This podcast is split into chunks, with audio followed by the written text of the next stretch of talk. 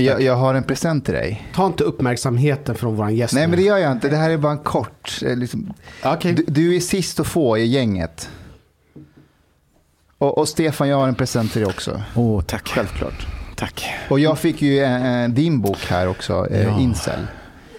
Precis. Mustafa är så jäkla fräck så han kan, han, till och med när vi har en gäst så kan inte han passa på att göra reklam för sin egen bok. Ja, Men det kan han få. Det kan han det, få. det är så vi är, vi Ja. författare. Därför är att förortssnuten har man inte gjort någon reklam alls för i varje avsnitt. Ja, men du, just det, du har ju också, du är ju också med i det här gänget. Alltså eh, Mustafa har ju gått igenom eh, en personlighetsförändring som heter duga. Jag vet inte om ni har pratat om det senare. Alltså senaste eh, intervjun i Söndagsöppet eller vad heter det? Söndagsintervjun. Söndagsintervjun. Söndagsöppet. Du, det var 20 år sedan.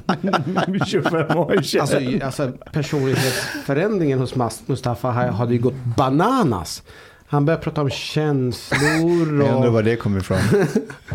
Ja, nog om det. Men eh, grattis till boken. Tack och, och, och grattis Stefan. Ja. Alltså, Tack. det roliga Stefan med din bok Incel det är att jag är ju med i den.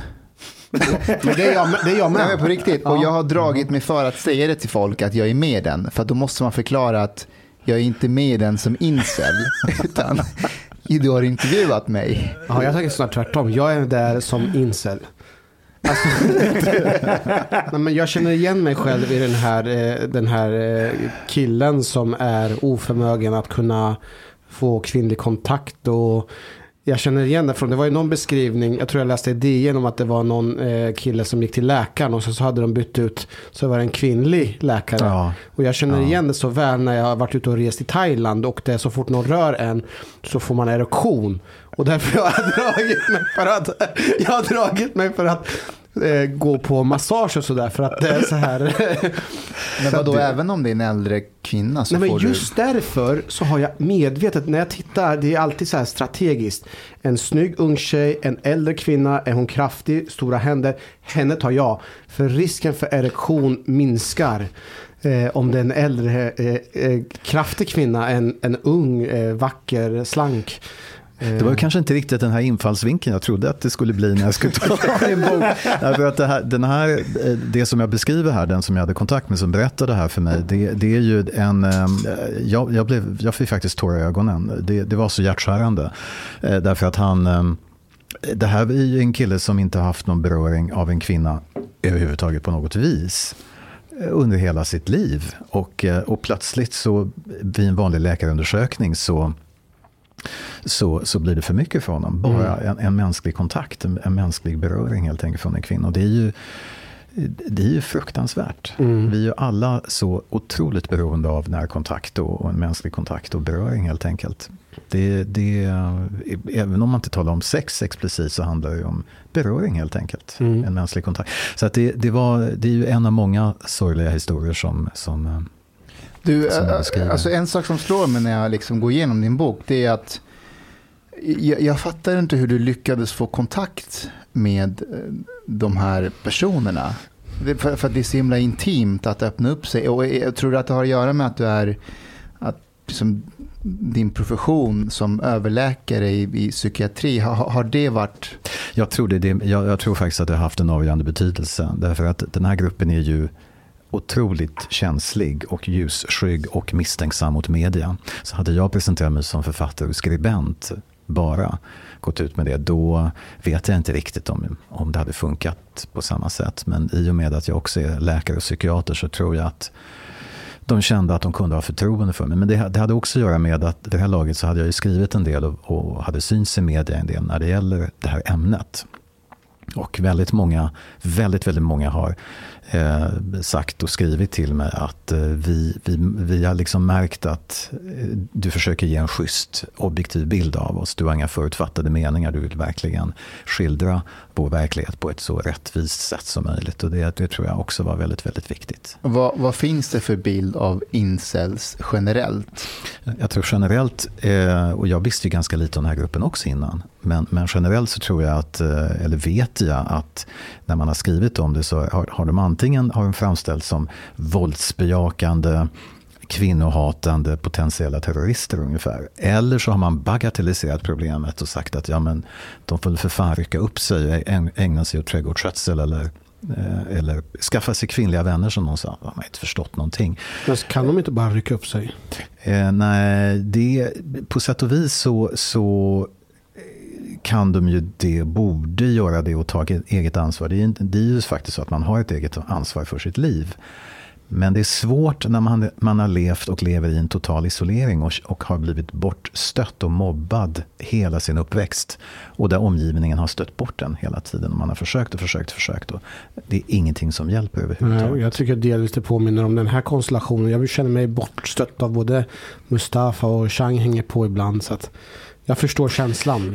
Ja, du kan identifiera dig. Men, men fenomenet, är det någonting, alltså det har väl alltid funnits incels inom bemärkelse. Ja, ja. Så vad, vad är det som skiljer incels idag från? Det, det, är, två, det är två saker som, som har förändrat sig. Två, på, två avgörande punkter. Det ena är att ja, det har alltid funnits män som har blivit över så att säga. Men för inte så väldigt länge sedan så var ju kvinnan helt beroende av mannen ekonomiskt och på alla sätt och vis. Att om, om det var en man någonstans som kunde erbjuda en trygg ekonomisk ett, ett, eh, tillvaro så räckte det på något vis ganska långt. Eh, nu har vi tack och lov kommit till en punkt där kvinnan är totalt självständig och kan leva och eh, arbeta och vara fullständigt oberoende av män. Men det skadar ju männen. Inte nödvändigtvis, nej. Men, men, men, men det är en situation där kvinnan är lika självständig som mannen.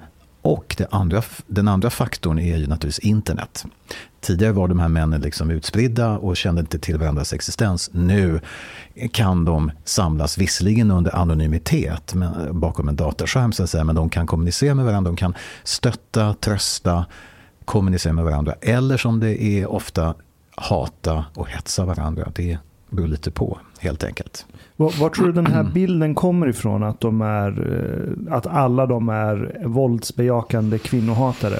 Ja, det finns ju en, verk, en, en dyster verklighet. Det har vi ju sett. Det har förekommit en rad terrorattentat faktiskt bara för några veckor sedan i mm. Plymouth, som ni vet. Berätta mer. Eh, en, ja, det var en incel-relaterad attack. Ja, alltså. absolut. Eh, han... Eh, Jake Davison hette han, eh, 22-23-årig kranförare i Plymouth som eh, är ett textbook-exempel kan man väl säga på en incel. Han ansåg sig själv vara en, identifierade sig som en incel och hade den här historien av att eh, leva i en total isolering, kände att allt var hopplöst och eh, eh, till sist så, så gick han från ord till handling. Han dödade sin mamma och, så, och gick ut och sen dödade han ytterligare tre stycken och sen tog han livet av sig, sköt, sköt sig vände sitt vapen mot sig och sköt sig. Och eh, han hade en YouTube-kanal. Den plockades bort direkt efter attentatet men jag har kommit över den ändå via min community där jag har varit undercover under nu snart två år.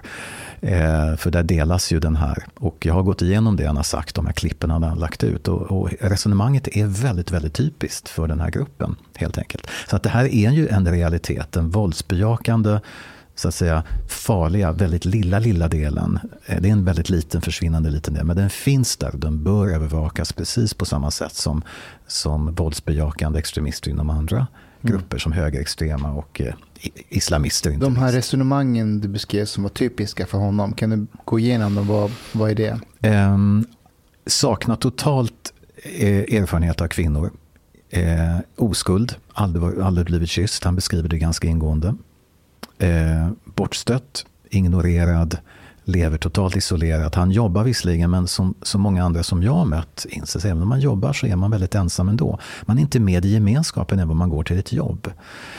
Eh, och eh, tillbringade väldigt mycket tid framför dat dataskärmen, precis som många andra. Och, och, eh, han tränade, försökte träna, men han visar på bilder på klipp titta, så drar han upp t-shirten och visar på sin mage som har valkar. Liksom. Titta, jag har tränat i några år, år, liksom år ut och år in, det känner ändå ingenting till. För att utseendefixeringen är så väldigt, väldigt central i den här gruppen. Allt hänger på utseendet. Och det där vart jag väldigt nyfiken på. Varför är det just det utseendet som de har hängt upp sig på? En av grejerna. Varför just utseendet? Därför att kvinnor väljer bara män efter utseendet, anser de. I incens värld så har utseendet en helt avgörande betydelse. Och har man inte ett fördelaktigt, attraktivt utseende eh, så är man förlorare. Och det, man är förlorare i den stund man föds. Man har alltså dragit en nitlott i det här genetiska utseendelotteriet anser man. Så eh, är man oattraktiv och, eh, och inte jättesnygg som man, då har man ingen chans hos kvinnor. För kvinnorna går bara efter utseendet anser man. Finns det inget utrymme för självkritik om det är bara det som gäller eller om det kan finnas andra faktorer? Eh, egentligen inte hos väldigt många. Eh, det är naturligtvis att, nu hårdrar jag det hela lite grann, men det, det är ju faktiskt på det här viset att utseendet är en helt dominerande, ett dominerande samtalsämne hela tiden. Och eh, ofta, de jag har träffat ser ju fullständigt normala Det är inte så att de är liksom fula eller oattraktiva på något vis. Så att det här är ju en skev självbild man har. Naturligtvis. Alltså, de är ju inte helt och hållet liksom borta från sanningen. Det är klart att det finns kvinnor som dras till utseende. Men eh, har, du, har du fått reda på vilka sorts kvinnor de här killarna dras till? Eh, det är väl inga... Alltså, de är ju... Väldigt många är, skulle nöja sig med att ha en vanlig relation. Det är det de längtar efter med en kvinna. Och, eh, men, det, men, samtidigt så finns det ju, de har till och med en skala, decile scale, där de liksom graderar utseendet 1 till 10 och så vidare. Det gör ju för sig vissa andra män också, det är inte bara incels. Eh, och du har rätt, det är klart att utseendet har betydelse, både hos män och kvinnor. Vi, vi vet ju liksom att snygga män och kvinnor går det bättre för i livet. De tjänar lite mer än genomsnittet. Och så där. så det är klart att, och, och, vissa som hänvisar till Tinder som, som mejlar mig eller som, som kontaktar mig säger titta här nu, nu har Tinder gjort en egen undersökning som visar att, att eh, 80% av männen väljs bort bara på grund av utseendet. Men det är ju så, utseendet är ju det första, det första kontakten, det första ögonblicket så att säga. Och det är klart att utseendet på det viset har betydelse. Men, men det är naturligtvis en grov förenkling att tro att enbart utseendet hos en man är fullständigt avgörande för en kvinna. Så är det naturligtvis inte. Men de säger också insides att ja, det enda som kan kompensera möjligen eh, ett, ett eh, ofördelaktigt utseende, det är om mannen har väldigt mycket pengar. För utnyttjar kvinnan det. Men det är bara eh, det är bara tillfälligt tills hon träffar någon man som är snygg. För då, går, då är hon otrogen med honom. Så att det är en enorm mm. bitterhet och en misstänksamhet och en uppgivenhet hos, hos den här gruppen, hos väldigt många. Jag fastnade för eh, den här tabellen på hur de, the decide scale, hur de rangordnar. Mm, mm. Det, det, är så genomsyrande i den tabellen hur grovt förankrad i internet memkultur den här ja, organisationen kommer ifrån. Visst. Att eh, ja, men så här, är du längst ner på skalan, om du är en ful värdelös man så är det Omega Mail eller Truecell va? Och sen eh, ja, rank nummer sex, då blir du en Brad. Och sen högsta rangen är gigachad. Liksom. Det är bara rakt taget ur eh, ja. meme-kulturen. Mm. Mm. Och är du rank 10 kvinna så är du en giga Stacy. Just det. Eh, väldigt meme-influerat. Jag fastnade ja, för det. Det är verkligen. Men det är lite roligt för att de, de har en bild. Så här, det finns en paradox i det. De har inte haft kontakt med kvinnor för, alltså aldrig, eller väldigt begränsad kontakt. Men de har en väldigt stark medvetenhet om vad kvinnor vill ha. Alltså förstår du vad jag menar? Mm. De, de, de, de, har inte träffat kvinnor men de, de, de vet vad kvinnor vill ha. Det vad, vad de, de har en bild av vad ja, de tror precis. kvinnor vill ha. Ja, precis. Det är, precis, det är en observation de har gjort. Eh, och dragit den här slutsatsen. Men, men, om man tittar på det här, om man ska gå tillbaka 200 eller 300 tillbaka. Så tänker jag mig att mannen skulle arbeta mer, mannen, alltså den fysiska starka mannen som använder sin kropp. Där faller ju liksom många delar naturligt. Alltså man har väldigt mycket funktion av sin kropp. Mm. Men jag uppfattar att många av de här fysiska styrkan som man har eh, fyller inte en samma funktion Nej, som det gjorde för länge sedan. Precis. Jag tänkte bara en sak, jag, bara, jag drar en anekdot. När vi var ute och vandra eh, i fjällen eh, förra året. Alltså vi använde ju kroppen varje dag och tog oss fram. Och, eh, det liksom, man blir ju stolt över sig själv, att kan bära sig själv och tung packning och komma fram. Och då stärker man ju också sin självkänsla. Mm. Och så tänker jag att men shit, jag mår ju skitbra av att vara ute och vandra och använda kroppen. Men så inser jag att min vardag ser ju helt annorlunda ut när jag är hemma. Och jag kan tänka mig att många är väldigt passiva och känner inte, man gör inte så här små nyttiga grejer som man får en endorfinkick. Mm.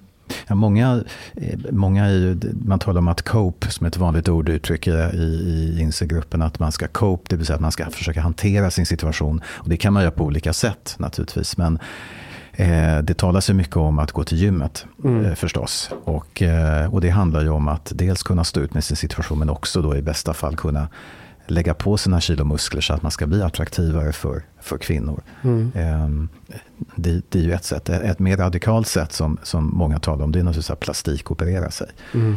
Och eh, om man har råd och kan spara pengarna. Jag har varit i kontakt med några som har sparat ihop och är på väg att att, eh, jag beskriver det i ett kapitel i boken, att det finns en, en Dr. Epley, Barry Epley, som, eh, som har specialiserat sig på det här, som vars kundkrets är högst, väldigt, väldigt eh, hög andel är incels, som flyger in över hela världen dit och, och gör de här operationerna. Och, och det, det, är ju, det är ju en annan sak. Men det är ett sätt att cope med, med sin situation. Men i grund och botten så eh, finns det en utbredd uppgivenhet och en, eh, ett självförakt. Eh, en känsla av att det, det spelar egentligen ingen roll vad jag gör, jag är dömd. Eh, en sak jag reagerar på det är när jag försökte kolla på demografin mm. som du lägger upp. Och det var ju väldigt tydlig överrepresentation av nordamerikaner och europeer. Mm. Och det är väl, om man så här grovt drar det, det är de minst religiösa samhällena på många sätt. Eh, och jag, jag är nyfiken på om du fick något hum av hur pass religiösa de här var. Eh, om de tillhörde någon sorts denomination som typ kristendom eller islam eller någon så här världsreligion. För jag tänker gemenskap verkar du ju vara, eller bristen på gemenskap verkar du ju vara alla, religion, ja, alla religioner är representerade. Och, eh, och, och men det, det, man måste komma ihåg att den eh, de olika incel-sajterna som oftast är nordamerikanska, eller väldigt hög andel i alla fall, och inklusive den, som, den community som jag har varit med i, med i fortfarande. Ehm, den ger ju inte hela bilden. Därför att, som jag också nämner i boken, om vi tittar på Indien och Kina så finns det ett mansöverskott på 70 miljoner.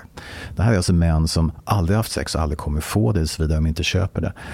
Ehm, och de skulle nog inte, de är inte ens bekanta tror jag med uttrycket incel. De skulle knappast beskriva sig som sådana. Men de är ju, lever i ofrivilligt celibat och har inte fått ihop det. Så de kan ju väl passa in i det där också. De är ju, och det är ganska många människor. Men, men det, var, det, var, därför jag fastnade för just religionsaspekten. Ja. För jag, jag, vill, nu bara tänker jag högt här. Men att om du är i Kina till exempel. Då har du eh, en helt annan bild av vad din purpose liksom är här på jorden med ditt liv. Mm. Medan här i alla fall eh, Nordamerika och Europa så är det ju självförverkligandet alla strävar efter. Eh, oavsett vilken religion du påstår dig tillhöra så är det ändå självförverkligandet som står ovanför allt. Eh, och det är ju här vi har en stor andel kvinnor som kan självförverkliga sig nu utan mannen. Mm. Eh, vilket leder till det här över... Vi har inte överskott av män, men vi har ett överskott av män som inte får kvinnlig kontakt i alla fall. Och och liksom tar du självförverkligandet ifrån dem, som väldigt mycket bygger på att du ska få bekräftelse av en sexuell och emotionell partner, så har de ingenting kvar. Medan kineser ändå kanske lever sitt liv för eh, det kinesiska liksom, nationen och staten och i Indien så har du väl liksom din lokala community och andra Exakt. grejer. De är mindre mm. atomiserade där. Men, men, kinesiska, man måste komma ihåg att i Kina har det hänt väldigt mycket. De har ju haft den här enbarnspolicyn som du vet, som, och, och där, där det finns ett enormt mansöverskott. Och det har ju yttrat sig då, som vi har sett på andra ställen också, i en ökad kriminalitet, gängkriminalitet, eh, prostitution, eh, sexuella övergrepp på kvinnor. Eh, och det här är ett jätteproblem. Det är alltså till och med så att ligor åker omkring i, i Kina och kidnappar unga kvinnor och säljer sen till, till kinesiska män som inte kan hitta eh, någon kvinna. Ja, det ser vi i Indien också. Och alltså, Indien, precis, Indien är också ett stort, ja, precis, ja. ett stort, stort problem. Så att det här att ett samhälle, oavsett vilket vi talar om egentligen, har ett överskott av män i sig är ett stort problem. Det är en mm. tickande bomb och det har vi inte talat om speciellt mycket i Sverige. För vi har ett, ett unikt mansöverskott i Sverige. Det ligger väl på 55 000 någonting nu va? Eh, och mycket av det är på eller en stor del av det är på grund av invandringen från eh, Mellanöstern. Ja, i Sverige, i Sverige så har det att göra med invandringen. I Kina har det att göra med enbarnspolitiken och, och, och även i Indien så har man gjort sig av med, med kvinnliga man har aborterat helt enkelt kvinnor. Men jag tänker på en aspekt som eh, eh, Ashkan du tar upp. Det är den här gemenskapen. Du har ju ändå, jag vet inte hur det är i Kina, men i många andra, när man lever kollektivistiskt, man bor tillsammans i grupp. Då tänker jag att i kontakten med dina syskon, kusiner, mamma, pappa. Mm. Då är du ändå inte helt och hållet ensam. Men Nej. om jag läser din bok så är ju en faktor i det här eh, att man är väldigt, väldigt ensam. Mm. Eh, och det tänker jag att det kan vara en, eh, att det är en kulturell aspekt där.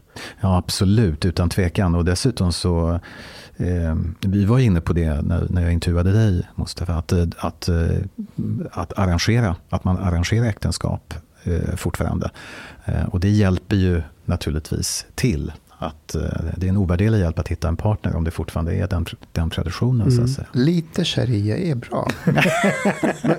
jag, jag, kan bara berätta en, en liten eh, anekdot från en kompis till mig. Eh, eh hon eh, bor i typ Hammarby sjöstad och hon låg där och sola. Eh, inte topless, topless dock. och sen så kommer det en, en man fram till henne. Och den här mannen egentligen har ett så god självförtroende. Eh, men han är nyanländ. Mm. Eh, och kan inte föra sig i den svenska kontexten. Han går fram och är rätt så bufflig och, eh, och liksom försöker ragga på min vän. Och hon börjar mer eller mindre skratta. Och mina tankar snurrar att den här händelsen är nog inte unik. Det är nog väldigt vanligt att det är många män som har kommit hit har ett givet sätt att tänka hur man ska förhålla sig till kvinnor. Men när man kommer hit och ska försöka interagera med tjejer så blir det den här krocken och då känner man att man inte har så mycket att hämta. Alltså man får inte den bekräftelsen framförallt från tjejer. Och då tänker jag att det måste finnas en stor vakuum där, där det finns massor med sexuell frustration och så kopplat till många unga män som har kommit hit som inte får sin sexuella mm. eh, tillgodosett. Mm. Visst. Och, och, vi har just i den gruppen, säg 15 till 24 år, så finns det ju ett, ett, eh, ett rejält mansöverskott i Sverige mm. idag. Eh, och, och en, en, del av orsaken är naturligtvis att eh, ja, 2015 kom, hade vi den här flyktingkrisen mm. när väldigt många unga män kom hit. Och det spädde ju på det här naturligtvis. Ja. Jag har faktiskt en lösning på det. Låt oss höra. Jo, nej men det kom ju väldigt många ensamkommande unga män. Det var ju 35 000 ja. som kom. Och, och visst, eh, en andel av dem har ju lämnat. Um, men man skulle faktiskt kunna lösa det med anhörighetsinvandring. Alltså att de åker hem, gifter sig med en partner eller att de tar hit en partner. Um, så har man ju löst um, mansöverskottet. Alltså på riktigt? Ja men det är väl så många gör. Många åker ju till sina hemländer och träffar någon där och tar med sig. För kom ihåg att de här killarna som kom hit, de är här utan föräldrar. Och de är inte så attraktiva bland andra afghanska tjejer. Mm. För att deras föräldrar är inte här. Du vet, det måste ju gå via föräldrar, typ något mm. slags mm. godkännande. Så de har ju ingen här. Så enda sättet att lösa det är just att deras föräldrar hemifrån anordnar ett äktenskap så att de åker hem eller att hon kommer hit och de gifter sig här. Problemet är ser jag på jobbet. Ibland vi får ju eh, väldigt många anmälningar om eh, misshandel, grov kvin eh, kvinnofrid. Och när man tittar på de som är framförallt har utländsk bakgrund och där ibland som jag reagerar på, iranier sticker ut där. Mm. Eh, det är många iranier, många killar som slår sina, eh, typ. Eh, så, visar, så, så min uppfattning utifrån min egna horisont är att de killar som de tjejer som, de kvinnor som anmäler det, det är oftast män som har varit ner i Iran och hämtat.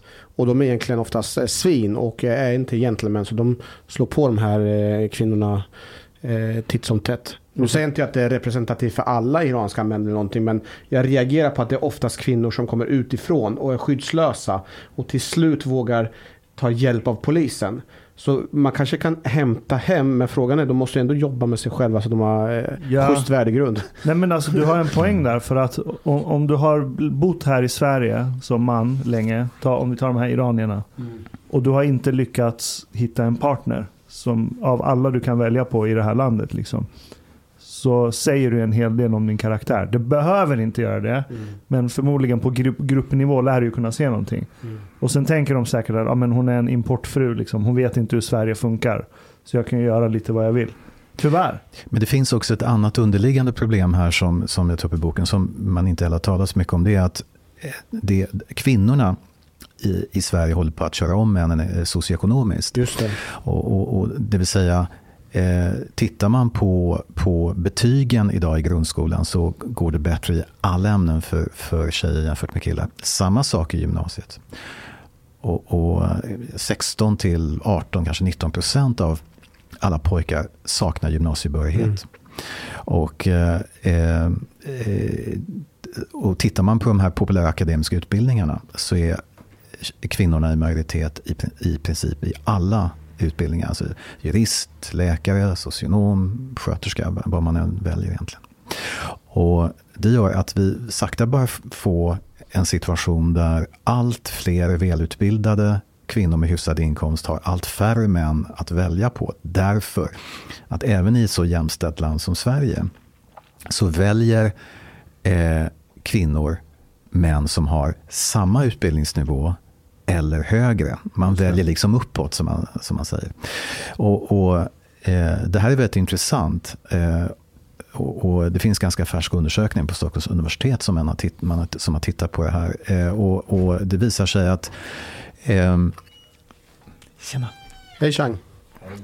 Eh, och det visar sig att, att eh, hon, den här forskaren har tittat på kvinnor födda 40-talet till 70-talet. Och tittar man på de yngre kvinnorna i den här gruppen så visar det sig att mm, de, har, de har kunnat tänka sig kompromissa lite grann i val av partner. Så att de har kunnat tänka sig och har också blivit ihop med män som har formellt lägre utbildning. Men tittar man på de här männen Ja. så nästan alla tjänar mer än kvinnorna. Så att intjäningsförmågan är av helt avgörande betydelse uppenbarligen. Och det här har fortsatt årtionde efter årtionde efter årtionde. Det har inte ändrat sig speciellt mycket. Så det är en ganska liksom, djupt förankrad tradition egentligen. Det, det är det som blir intressant med eh, just Sverige också. Den här besattheten vi har av att vi måste vara så progressiva hela tiden. Och missförstå mig inte här nu. Jag, jag tycker det är jävligt grymt att vi har byggt ett land där kvinnor och män har samma möjligheter eh, att kunna bli det de vill bli. Mm. Det är inte det jag kritiserar här. Men att även när du har extremt goda intentioner och gör en viss progressivitet i något område så kan det le- till någonting som har formats över flera hundra år. Mm. Dynamiken mellan man och kvinna tar vi Mm. som exempel. Eh, Så har du så enorm risk för oför, så här, unintended consequences Mm. eh, av att du vill göra gott. Och det blir ju inte lättare när, det tror jag var igår, SVT eh, Nyheter publicerade en artikel så här. Forskning. Eh, eh, det blir större, vad heter det? Ju mer jämställt ett land är, desto mer könsskillnader ser man. Mm. Och det här har vi typ kunnat spekulera om ganska länge och 2018 kom det ganska så svart på vit forskning om att det är så det är. Mm. Eh, Gender equality paradox. Ja, precis. Alltså det- att eh, kvinnor eh, attraheras mer till, till att ta hand om, eller människor och, och, eh, alltså, och, och män mer till saker. Exakt, Ja. så här grovt Det var, ju, förenklat. det, det var ju det här som den, i den här väldigt famösa intervjun i, i Skavlan. Ja, där Jordan det, Peterson och Annie Lööf var gäster och där Annie Lööf vägrade eh, acceptera Ja. det här. Eh, den här jämlikhetsparadoxen. och Margot. Wallström bad Peterson krypa tillbaks under den stenen han kom ja, ifrån. Precis, precis. Det kommer inte förenkla de här utmaningarna Nej, som men, vi har. men, men, det är, ja, men det är en intressant situation vi, vi befinner oss i historiskt, att kvinnorna har den här unika självständigheten och, och kan, kan leva sitt liv utan en man och kan skaffa barn utan att behöva träffa pappan. Det går bättre i skolan för dem och, på, på ut, och när det gäller högre utbildning. De, män och kvinnor i yngre åldersgrupperna röstar diametralt olika. Mm. Eh, kvinnor, unga kvinnor röstar vänster, eh, unga män röstar höger. SD i väldigt hög utsträckning. Ursäkta att jag är lite sen. Eh, Det, det, Men då har det varit- Det är. Miljöpartiets fel. Men Chang, du har ju faktiskt skrivit också en artikel just om det här i Fokus. Ja. Som gick väldigt Som var varmt. väldigt bra. Ja, det var många som verkar gilla den. Den är, väl, den är väldigt bra. Jag fick bara ett upp, uppgift från dem. Skriv något om kärlek. Jag bara, nej ring någon annan. Jo men kom igen Jean, du, du, you can do it liksom. You go girl. Lite så. så eh, ja, det blev Men- vad det blev. Men vilken märklig paradox igen. Alltså att ja, eh, kvinnor idag är inte längre eh, alltså beroende av män vad gäller försörjning. Men symboliskt så söker man sig Mm. ändå Mm. till män Ja, som tjänar mer än dem. ja. Eh, En, en aspekt jag funderar på, är kvinnor lyckligare nu då? Än vad de varit innan? Det Vi var ju en debattartikel ehm, för ett tag sedan. De gnällde, det de kallade kanske-männen. Jo, jag var lite inblandad där. Ja det var det va? Ja, jag, jag reagerade på den, eh, den artikeln. Det var någon litteraturvetare, författarinna, som hade skrivit. Ja hon beklagar sig över att träffa massa män då på Tinder eller vad fan det nu är. Och så, men de vill aldrig binda sig. De vill bara knulla på tjejerna och sen efter ett tag så är det inte roligt så skiter de i det och går vidare. Mm. Och jag snackade, vem fan var det som sa? Nu minns jag inte vem som sa det men han, han har kompisar som är liksom, kan få vilken tjej som helst. Han binder sig inte med någon. Och killar är ju så ju att du vill ju sprida, sprida din säd så mycket som möjligt. Rent evolutionärt ju. Ja. Så det är klart kan du få en massa damer, varför ska du binda dig med en? Så alla de här tjejerna som alltid vill ha det top guy. Ni vet fjuttisar, alla älskar Justin Bieber och springer efter en och samma kille liksom. Trots att ingen får honom. Effekten blir ju att de här kvinnorna, jag tror inte de blir så lyckliga för att de söker ju alltid den där mannen de inte kan få. Utan de, de blir ett ligg liksom. Men van, ja, och sen inte mer med det. Hur, hur var du inblandad i det, Stefan? Nej, jag var in, inte inbl- alltså, Jag reagerade på... För att du är en på, kanske på man, skrev, jag skrev, eller? På, på, jag, jag reagerade, jag skrev, du mycket? Jag skrev, jag, skrev, jag skrev en artikel i Expressen om det här och, och, och sa att, för det handlar mycket om att kvinnor blir ratade och då hävdade jag att män blir minst lika mycket ratade, K- till och med mer än vad kvinnor blir. Eh, och, och jag tyckte att det var en, en märklig diskussion helt enkelt. Och att det här baserade sig på, på och jag nämnde just de här siffrorna, att, att eh, att kvinnor att de väljer uppåt så att säga och hur det här mönstret sitter i väldigt djupt. Och att det här, de erfarenheterna var hennes högst personliga erfarenheter. Det var inte, tyckte jag, representativt egentligen om man tittar på vad som händer. Att, Och att vad- kvinnor väljer uppåt, betyder det att män väljer neråt? Ja, precis. Så har det varit. Så Fast- har det varit. Fast är det inte så att männen har ju en förmåga att kunna välja lika, men också neråt, medan kvinnorna har en oförmåga att kunna välja neråt? Ja, det har varit så. Det, det, det är bara att titta på statistiken och på fakta. Det, det har varit så. Och eh, det har hållit i sig det här mönstret hela tiden. Och sen, då kan man ju fråga sig vad som kommer hända nu. Därför att det är sådana förändringar sen årtionden. Det har gått ganska snabbt det här egentligen. Vad kommer hända i framtiden? Det är det jag ställer mig. Den frågan ställer mig bland annat i boken. Vilket samhälle går vi mot? Jag tänk, bland annat så, på ett privat plan så undrar jag också. Eh, vad händer nu när historiskt sett är en unik situation där kvinnan är väldigt självständig, ekonomiskt oberoende och så vidare med tilltagande makt. Det, det är inte så att de välutbildade kvinnorna som är i majoritet, att det avspeglar sig Eh, så väldigt, väldigt mycket på arbetsmarknaden. Det är fortfarande så att börsnoterade företag har 80-90% män som direktörer och så vidare. Det är inte så jag menar. Men vi ser ju den här utvecklingen väldigt tydligt. Kan man då förvänta sig att datingmönstret då sättet att närma sig det motsatta könet, att det också förändrar sig i takt med att den ekonomiska makten mer och mer hamnar hos kvinnor. Men bor inte många, väljer inte många tjejer att vara, eh, leva ensamma, eh, köra IVF? Jag har flera kompisar på senaste Så du tiden. köra, Köra. aha, IVF? IVF. Vad är det? In vitro-fertilisering. Ja, alltså att man kör att man blir, man får... Ja, men så är det. Så ja, är alltså det. jag har flera kompisar. Av, av assisterad befruktning, det finns en siffra som den boken, så är ungefär 40 procent eh, lever ensamma som har eh, velat få en assist, så kallad assisterad befruktning. Mm. Men är de människorna lyckliga som lever ensamma? De är i vart fall inte miss, vad heter det, olyckliga av att de, var- att de är, vad heter det, att inte ha, de har barn. De skulle ju självklart vilja ha familj och barn, men när inte det går så är de, i vart fall har de, eh, De har det- barn. de Men har det, det är väl bara ringa Omar så löser han det. Ja, då skulle jag kunna göra. Jag, jag är faktiskt orolig för den utvecklingen för att jag tror inte det är bra för ett barn. Nu säger jag inte att det är så för alla de som gör eh, in vitro befrukt, eh, fertilisering. Men att eh, om det nu blir så att det blir en större andel barn som växer upp utan en manlig förebild Mm. eh, så tror jag inte alls det är bra för uppfostran. Det behöver inte vara en biologisk pappa. Just Det kan vara flera män som har kontakt med barnet på olika sätt. Där, där tror jag forskningen och, ger dig rätt på den punkten. Att, eh, och man har ju sett det, att växa upp utan en, en närvarande manlig förebild, pappa, biologisk pappa eller annan som du säger. Det, det kan få vittgående konsekvenser. Det, jag tror att Aftonbladet kartlade för, bara förra året tror jag, 58 fall där män hade blivit eh, dömda för mord eller försök till mord. Eh, eller mordförsök och där eh, kanske två tredjedelar var, levde utan en pappa. Mm. Men vet vi om det finns ett kausalt samband eller om det bara är korrelation? Det vet vi inte. Det, det vet är naturligt, inte. det kan man ju få. Men amerikanska siffror visar också att det här är ett, ett stort Ja, det, problem. det, det är ett av de stora utmaningarna inom den ska man säga, svarta communityn i USA. Ja, visst. där det finns frånvarande fäder. Något som många svarta genom åren har pratat om. Obama pratade om Mm. det också. Oh, ja. Att det måste finnas där. Liksom. Och den gruppen ökar mer och mer. Och det, det, den parallellen kan man ju bara dra till förorten. Där det är väldigt många frånvarande fäder. Och jag pratade med en tjej, jag tror jag nämnde det någon annan gång. eh, En väldigt högutbildad, eh, en, tjej, en somalisk. Eh, det var en familj jag var hemma hos. Och alla var välutbildade. Mm. Eh, hade pluggat på universitet och så. Men de flesta eh, killarna där saknar ju ens eh, gymnasiebehörighet. Och då frågade jag henne hur hon gjorde. Och då, då sökte de utomlands. Hon hade dejtat, träffat någon via England. Men jag tänkte, Stefan, är det, är det synd om männen? Är det synd om oss? För det känns som ibland som om det är tävling vem det är som är mest synd om. Om det är kvinnorna som är mest synd om eller männen som är mest synd om. Och att den som är mest synd om vinner tävlingen. Och då får man, jag vet inte, mer resurser eller någonting.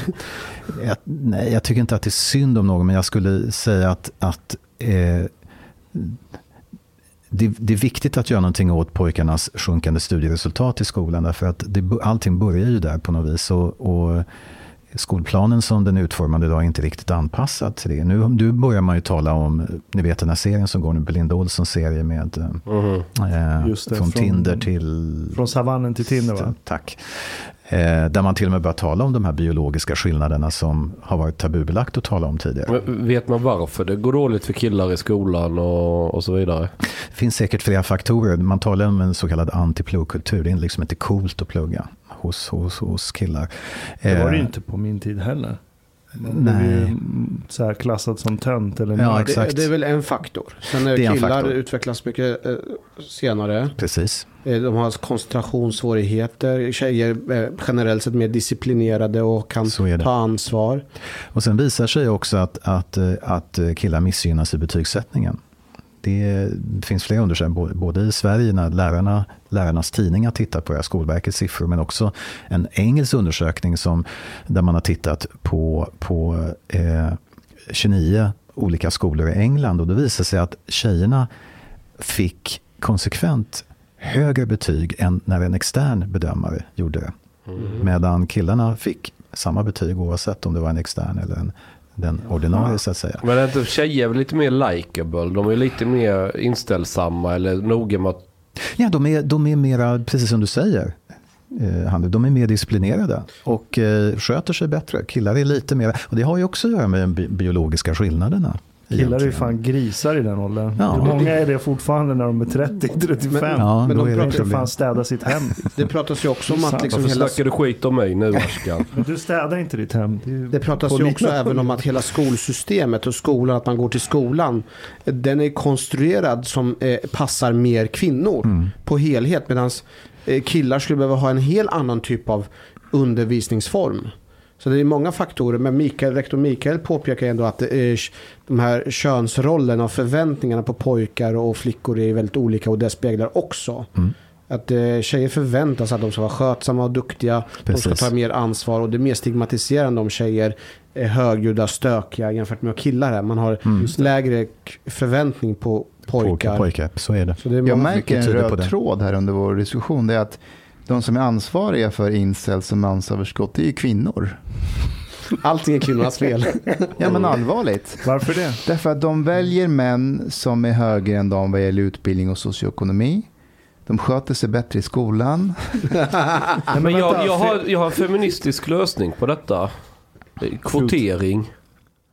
Om partners. staten går in och kvoterar, ja precis. Säg alla de här singelkvinnorna som klagar på kanske men då kan staten kliva in och kvotera en SD-väljande hippie från eh, Laxå. Som Det skulle- där, Jordan B. Peterson var inne på det, han kallar det för forced monogamy. Men det- han det här han är fick ju- ju massor med skit för det. Alltså han menade att han är precis inne på det du säger, alltså att man i princip tvingar män att hålla sig till en kvinna och kvinnor till. Ja, ja, men också att, att eh, de här kvinnorna då som är så olyckliga hittar ingen kar. Jag ska hitta karar till dem, inga problem. Jag kan inte garantera att de Men- kommer men- gilla men sin problem- nya karl. Men... Problemet är ju inte att de inte hittar en karl. De hittar inte en karl som eh, de kan använda för att boosta sin egen status i sin sociala krets. Du kan inte ge dem en SD-hippie från Laxå till en så här jurist med 70 lax i månaden som bor inne i stan. Men Ashkan, Kan är det bara flyga. sociala krets? Är det inte andra faktorer? Men i sådana fall, i sådana fall så finns det ju en djup paradox här. Om tjejer tvunget vill ha en kille som tjänar mer än dem, då kan de väl inte samtidigt kräva att de ska ha jämlikhet och tjäna lika mycket som männen. Det, de där två går ju inte ihop. Antingen vill de att vi har det traditionella, där mannen tjänar mer och högre status än kvinnan. Så då, och då kan de ju hitta någon att para sig med. Men vill de ha det här jämställda feministiska samhället, då kommer det inte finnas några män för dem som funkar. Det här, är- du är inne på en ganska känslig fråga nu, därför att eh, det intressanta... ja, men du är det, därför att, därför att handen på hjärtat, det är ju så här att det råder en viss förvirring idag, speciellt den har ju förstärkts efter metoo.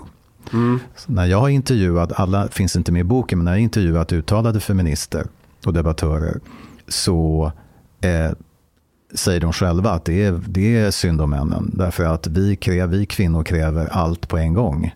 Eh, man, det finns en, en eh, sexolog, psykolog, Linn Hed, som jag intervjuar, eh, som är känd debattör. Hon, hon, hon beskriver att mannen nu för den ska vara som en schweizerkniv. Det ska finnas en funktion för precis allting. Han ska å ena sidan gråta vid, eh, på fredagskvällen över teet. På rätt och, sätt. och vi, på rätt sätt.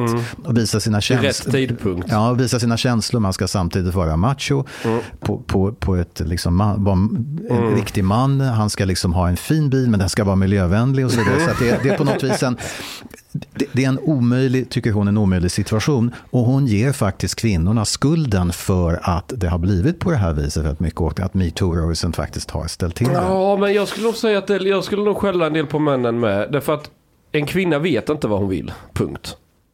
Om hon får sätta upp en lista på vad hon vill ha så finns det, är det den omöjliga mannen som aldrig har existerat. Det är bara någon naiv jävla drömgrej som finns möjligen i någon Disney-film någonstans. Sen är det också så här. När många kvinnor får en pojkvän så kommer hon nudga honom, Fäll ner toalocket, ändra klädstil, gör så, gör så, ändra om honom som hon vill ha, du vet så här. Och när hon till slut har lyckats så skapar den här könlösa jävla konstiga varelsen som dricker kaffe latte på Södermalm och... Då är de inte attraherade längre. Nej, då vill de inte ha dem längre. Nej, då vill de inte ha. Då vill de ha chang. Nej, men, och, och jag skämtar inte. Jag, skämt, jag har berättat innan att eh, eh, jag har haft panikångest och skit ju. Gick jag till någon jävla kurator eller vad fan det var på vårdcentralen och snackade då liksom. Jag löste det med testo sen, det blev ju mycket bättre. Men jag var där och snackade då och så var det en tjej, svensk tjej, vad kan hon vara, 35 eller i min ålder. En ganska snygg på men det, var- det var inte därför jag var där. Eh, och hon sa till mig exakt detta. Vet du hur många killar som kommer hit? Som har panikångest, jättejobbigt, dåliga nerver och behöver prata och, och allting. Jaha, varför då? Ja, men det är förhållanden med tjejerna och sånt då ja. Och så sa hon just det att tjejerna försöker ändra dem och ändra dem och sen vill de inte ha killarna när de har ändrat dem färdigt. Det är det absolut vanligaste att killar mår dåligt och kommer då och snackar med henne. Så det är liksom inte någonting jag drar ur rasslet utan Försök, har, har, hon har, sa själv att det är jättekänsligt att prata om för har, har Paulina ändrat dig på något sätt? inte ett skit. Eh, Jag ringde ju Chang för att påminna honom att vi skulle spela in. För det gör jag varje gång vi spelar in. Där- Därför han är alltid sen. Men då, då, då, då sa han så här till Paulina att I have to go to the pod. kan du hämta Ja, men det har barnen? hänt flera gånger så här, klockan är halv tolv, jag snackar videosamtal med honom. Så han bara, Paulina, um, I have to go to the garage. Och så bara går han. Så här, halv tolv, barnen är vakna. Homer, Homer Simpson. Men, men det som var fint var att, att, att hon skrattade väldigt hjärtligt med dig över att du är som du är. Ja, hon har Det var väldigt sig. fint. Det var väldigt Ja, fint. jo, jo, men det vi, vi vet. Det här är kanske är kritik som inte får sägas helt högt, men det har ju skett en massa förändringar och smek, smek, smeknamnet Toffel har förekommit mer än en och två Har gånger. ni kallat mig för det bakom min rygg? Jag säger bara att, jag säger bara att Toffel, eh, namnet Toffel har eh, repeterats flera gånger. Ehm, så eh, vad har du att säga Mustafa? Du, eh, jag ska faktiskt säga att eh, hon har varit på med att jag ska umgås mer med er. Hon har sagt jag vill inte så det är komma hon in. som bestämmer? Du, det där är inte bra. Det där- Nej, det för där är hon hon säger till dig. Det där betyder att du umgås för mycket med mig. Ja, Ja men lite så. Nej, men, eh, hon, har, nej, men hon har faktiskt varit på med att så här, eh, vara mer med dem. Och, Du, slu, du har slutat komma- att höra av dig till dina vänner. Du har, nej vänta, vänta, vänta, vänta. Eh, Nu, nu, ska jag prata, nu ska jag inte avslöja vem det är, men det var någon som sa förut, Mustafa när han var olycklig, han kunde ringa till mig, jag brukar ge honom råd. Men nu, Vem kan det ha varit som har sagt det? vem? men nu, jag vet inte. Han hör inte av sig, han säger ingenting. Han bara dyker, han kommer och han går. Vi, har slutat att umgås. Ja, men, eh, Okej, jag, jag håller med om att det har varit lite för intensivt. Eh, eh, de här Och vem är det som har ansvaret? Är det Ida eller du? Nej, vem det, är jag, det är jag som har ansvaret. Ja, det är jag och- som har ansvaret. Och vad, vad, är, vad är förklaringen? Varför är det så? Nej, men det, för att... Att det här är väldigt patriarkalt att han har ansvar över Ida.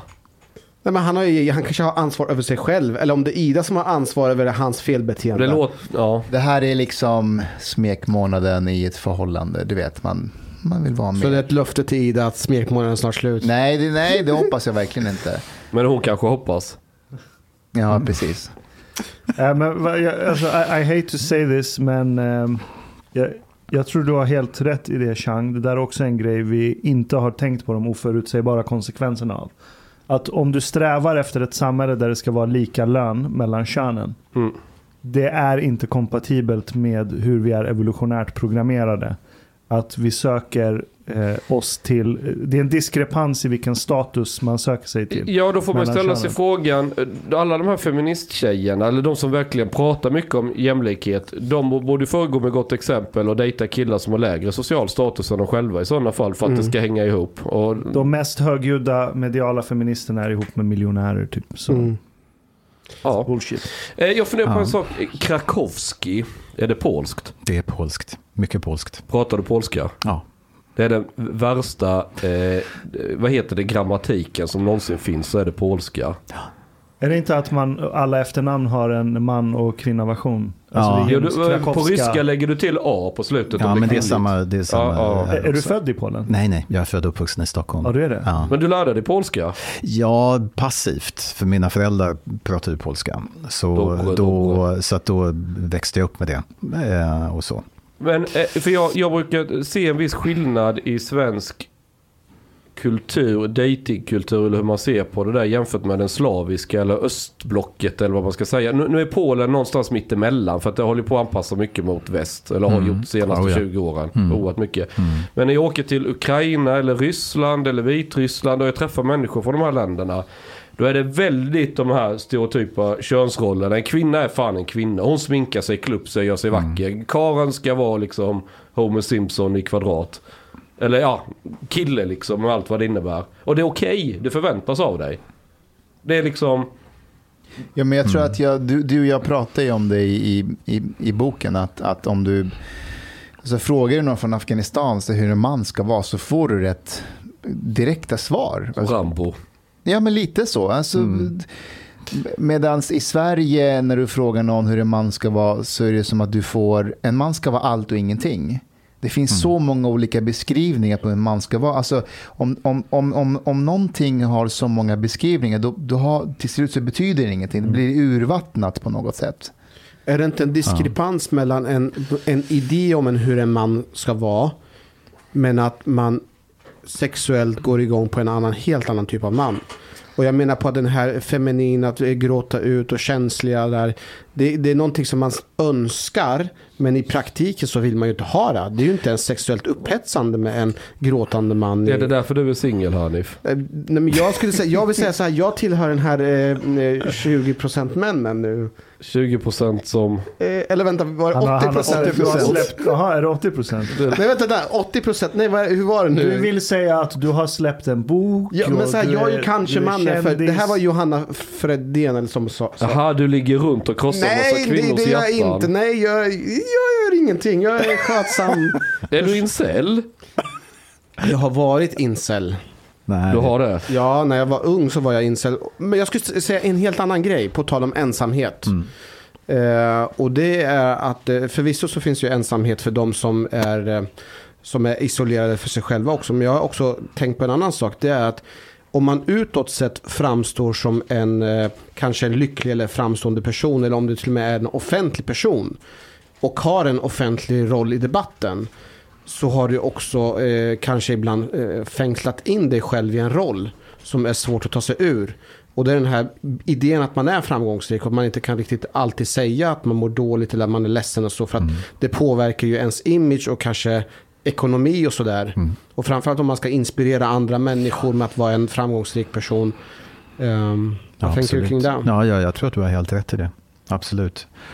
Eh, och det finns också en, en eh, lite som vi var inne på tidigare, en, en, som du var inne på Chang, att det, det är någon, en man ska vara precis allting på samma gång. Jag intervjuade för boken, som det kom inte med av olika skäl, men eh, en ganska känd eh, annan, en feminist eh, kvinna, ung kvinna som liksom off the record när vi var klara sa att liksom vid något tillfälle att det här låter Jag som Cissi Wallin. som eh, sa att jag, jag är så jävla trött på de här liksom velour, eh, de här männen, metoo-männen som försöker vara till lags liksom. Och, fy fan. och, och sådär. Så plötsligt så föll masken lite grann där. Att jag tror att det helt enkelt handlar om att man vill, man vill, jag, tror- jag tror att manlighet är någonting som, som i grund och botten alla kvinnor vill ha. Inte, inte machokultur, men en manlighet. En Ja. sund manlighet. Och, och, och eh, det, som man in, det som har hänt nu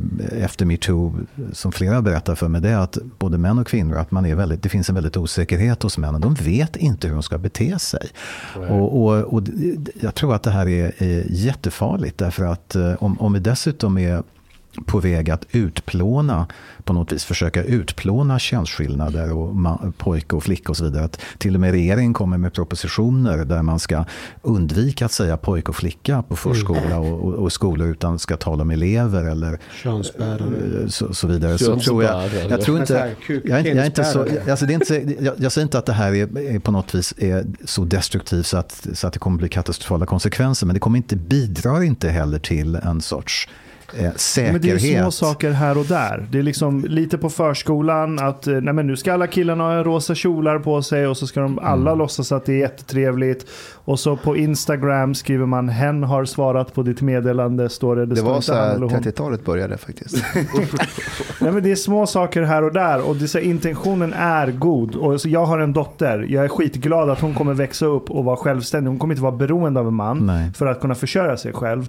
Men det är väldigt naivt att tro att kulturella mönster, oavsett hur bra eller dåliga de är, vart man nu står moraliskt, oavsett hur bra eller dåliga de är, om det har tagit flera hundra år för dem att formas, börjar du rucka på dem så kommer det ske enormt många oförutsägbara konsekvenser. Ja, jag är inne på det, för det, jag tycker det här är så spännande därför att är det så att ett mönster mellan människor som jag var inne på tidigare, kom, kommer det att förändra sig i och med att kvinnor kommer få mer och mer ekonomisk och som det ser ut politisk makt? Kommer det att bli, jag beskriver, det finns några pers- väldigt personliga delar i den här boken, jag beskriver att jag var med på en fest där eh, det var liksom bord med sex personer vid varje, var kanske 200 inbjudna.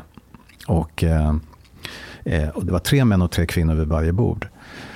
Och, och där en kvinna vid bordet eh, började eh, uppvakta mig liksom, eh, på ett ganska hårdhänt sätt.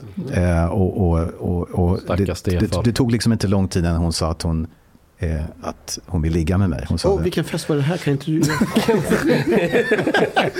det hände mycket på den här festen. Men, men, Var det hos, eh, men, Staffan? men, eh, eh, men, eh, Låg du med henne men, då? eh, men, men, eh, nej det gjorde jag inte. Vad röd du om Eh, kinderna. Men det, inte, men det, intressanta, det intressanta är här att hon användes, när hon såg att hon, att hon inte fick något gensvar, då Ja. använde hon sig av det, eh, för hon hade fått nytt toppjobb Mm. eh, på, på ett företag som chef. Och, så, och då, ville hon, då sa hon att hon ville att att jag skulle bli konsult, hennes personliga konsult och ville erbjuda mig en, en. Så att hon använder de här liksom lite klassiska manliga så att säga, Yes. maktmedlen för att Armbåga sig få mig i fram säng. Och det är ganska intressant det där. Och då, då, det fick mig att tänka, är det liksom, vad kommer hända i framtiden om vi nu ser det som är på gång och sedan ganska lång tid tillbaka? Att allt, allt fler kvinnor i förhållande till män kommer att tjäna bättre, ha bättre utbildning och få mer makt Hur ekonomiskt. mycket var hon beredd att betala för det här konsultjobbet? Jag menar, det kan vi, vara kom bra. inte, vi gick inte in på, på de Det skulle kunna detaljerna. bli en jävligt bra timpeng. Men det, det, det är såklart hon blev chef på det här bolaget. Det är ju sexköp Ja, hon, hade, hon, hon, göra hade, hon, hade ju, hon, hade, hon hade blivit eh, precis fått det jobbet, ja. Ja. Men det, det, det är ju egentligen sexköp med bolagets pengar. ja. Men, men det, är ma, det är maskulina traits rakt igenom ja, men hela. precis. Det är det som är min poäng. Att, Ja. att, och jag tycker det här är Och intressant. jag älskar det för det är så elegant. Ja, men jag, Det det, är är så inte så att jag blev kränkt eller, eller liksom eh, sprang till diskrimineringsombudsmannen. Eh, Men, men det, det handlar liksom om, det handlar om, nej men jag tycker det är intressant att se om det här är någonting och jag ställer den frågan också till, eh, i boken intervjuar, intervjuar Alexandra Pascalido. Och, eh, och eh, hon, hon berättar om väninnor som, som Alltså hon, Ta- hon, ta- pra- träffa- hon, hon pratade inte bara om sig själv, hon pratade även om andra Hon, människor. hon pratar om andra människor Oj. också. Eh, det var väldigt trevligt. Hon är jättetrevlig. Eh, och, och, eh, Det är hon faktiskt. Jag har hon, hon är supertrevlig. jag har tyvärr också träffat henne. Eh, så att, men hon berättar att hon har väninnor som, som tar hem en och sen så bara för sex och sen så får hon gå för hon vill inte äta frukost. Väninnan vill inte äta frukost med mannen. Det är ju där, det ultimata på något vis svinaktiga manliga beteendet, eller hur? Kan man Det hände tycka. mig i, höst, i i somras. Det var en tjej som... Nej, men det, var, det, var, det, var, det var en kvinna. Du har lämnat din inceltillvaro. Nej men det var, en, det var en kvinna som hörde av sig till mig. Alltså det var mitt, eh, det var, jag tror det var klockan eh, 12, eh, ett på natten som hon hörde av sig direkt till mig och eh, erbjöd sig betala taxi så jag skulle komma direkt till henne. Och hon refererar också att hon var väldigt framstående och hade väldigt mycket pengar. Eh, Intressant. Och då hoppades du på att få frukost. jag körde Facetime och så kom jag på nej jag vill inte. Hon var inte snygg. Men, du, men, men jag- Staffan, jag tänkte, eh, jag tänkte på en sak. Eh, hur, hur kan vi männen ta ansvar? Vad kan vi göra i vår kommun? hur kan vi, ja, men, hur kan, Gruppera inte in nej, men hur kan, mig i hur, det här. nej men så här, hur kan eh, de, de personer som vill vara med och hjälpa till och förändra någonting så det blir bättre även för incels män. Vad, kan, vad, vad skulle jag kunna göra som vill hjälpa andra? Ja, Om om vi talar om incelmännen nu specifikt, så, så, så finns det flera, alltså, om man tar den här lilla, lilla delen som är våldsbejakande Mm. eh, och, och, och potentiellt farlig, det har vi ju sett som sagt, då är ju givetvis Säpo eh, en, en, en nyckelspelare här. Fast jag funderar på en sak där. Tjejer gillar ju bad guys. Det hände ju med hon Vissa. SR, vad heter hon på Sveriges Radio som träffade ju den här. Islamisten ja. Ja, Men det. låt honom Okej, förklara. okej, Det okej. var ju chans att avbröt. Ja, men. Hur kan, du, hur kan du kritisera mig när det var chans som Stefan, avbröt? Du vet att det alltid är du som får skiten när jag gör något. Nej, men det, då är det Säpo som i klassiska eh, säkerhetsarbete, helt enkelt, underrättelsearbete. Eh, och som är nog så svårt, därför att vi talar om enskilda gärningsmän här, eller gärningspersoner. Eh, så att det är svårt, men det finns alltid ledtrådar. Det finns inte ett enda attentat som inte föregåtts av ett manifest på, på nätet eller ett klipp eller, eller, eller någon typ av ledtråd. Så att där är det väldigt viktigt. Eh, skolan är jätteviktig. Om det är någon eh, kille som är avvikande och där man kan fatta misstankar. Eh, Det du pratar om nu det är att så att när man är, de här ensamma gärningsmän de läcker hela tiden information. Ja, och ja. via de här läckagen, om man är uppmärksam så kan man... Exakt. Exakt. Alltså är det, är det ett rop på hjälp eller? eller? Man, man ja, läcker på sätt och vis. På sätt och vis. Och det ser vi också när det gäller eh, islamistiska, våldsbejakande islami. Det är samma sak där egentligen också. Så, det, så att ofta kan vänner och familj ha haft en misstanke misstanke att någon är på, någonting är på gång men inte gjort någonting. Så att det är, det är Säpo i det fallet, det är vänner, det är eventuella vänner om man har sådana. Eh, det är skolan, det är vården, alltså psykiatrin som måste vara bättre på att identifiera eh, de här eh, incelmännen. Jag har en fundering här. Om man nu hittar en sån här potentiellt våldsbejakande incelman och så ska man då koppla in all psykiatri och Säpo. Det är ju en jävla kostnad. Hade det inte varit mycket effektivare att bara ta dem på avradikalisering på horhuset i Köpenhamn? Gått mycket fortare, problemet löst. Hotet Ja. avvärjt. Men är det realistiskt, Chang?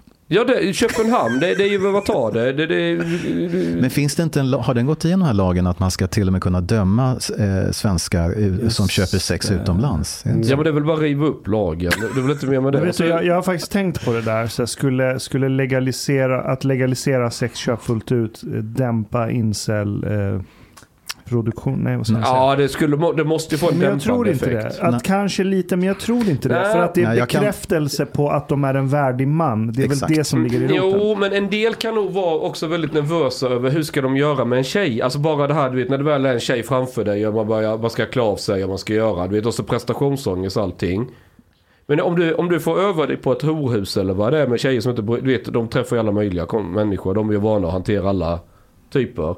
Nej, jag tror det mycket väl. Det, för en del skulle det säkert eh, vara... Eh, En väldigt liten del. Eh, för du har rätt där, Ashkan, att det, det, när man talar med dem och frågar, det här är alltid en fråga vi kommer in på, alla som jag har pratat med, haft Jaha. kontakt med. Eh, det, är, det är en av mina rutinfrågor, vi pratar en hel del om det. här. Det visar sig att en överväldigande majoritet, både av utländska och, och svenska inser säger nej, därför, och har inte gått och vill inte gå till prostituerade. Därför att det skulle vara ytterligare en bekräftelse på hur odugliga de är egentligen, hur misslyckade, vilka losers det är. Det, därför att de vill inte betala för någonting som de borde få inom ramen för en normal relation. Men jag har också träffat de som har gjort det en gång bara för att bli av med oskulden och vissa som gör det regelbundet. Men då gör de det i Köpenhamn eller i Berlin. Så, men det skulle inte lösa problemet, det skulle det inte. Nej, men det skulle nog ha... Menar, om du mår dåligt så kan du få psykologisk hjälp. Prata med någon. Om du, om du har svårt att hantera tjejer. Vad är det som är så konstigt att träffa en tjej som... Du, du betalar henne för hennes tid och hon hjälper dig på traven och du ska bli bekväm och lära dig hur du... Nej, men jag tror inte, det, det är inte det som är högst upp i deras prioritering. Att de är nervösa för vad de ska göra första gången de ska få ligga. Nej, men jag pratar Det- inte bara om att ligga. Det är hela sociala spelet dit. Alltså, det är ju skitvanligt att folk betalar prostituerade inte för att ligga utan bara umgås med dem en kväll som de vore Du flickvän. menar att man går och äter middag Ja, exakt, exakt. Ja, det, det är många som Men gör sådana grejer. men Lite som Pretty Woman. Ja, men du har ju det här sugar daddy och allt vad du har. Det finns ju alla möjliga varianter. Men du, jag, jag har intervjuat flera eh, sexarbetare. Mm. För en, som, ett kapitel i boken handlar om en, en sexarbetare som jag har, mm. tror jag, Emma. Eh, som hon heter. Och hon berättar att hon har en, en, en andel, kanske 5-10% som Mm. hon, hon, är, hon är välbekant med incel-terminologin och begreppet.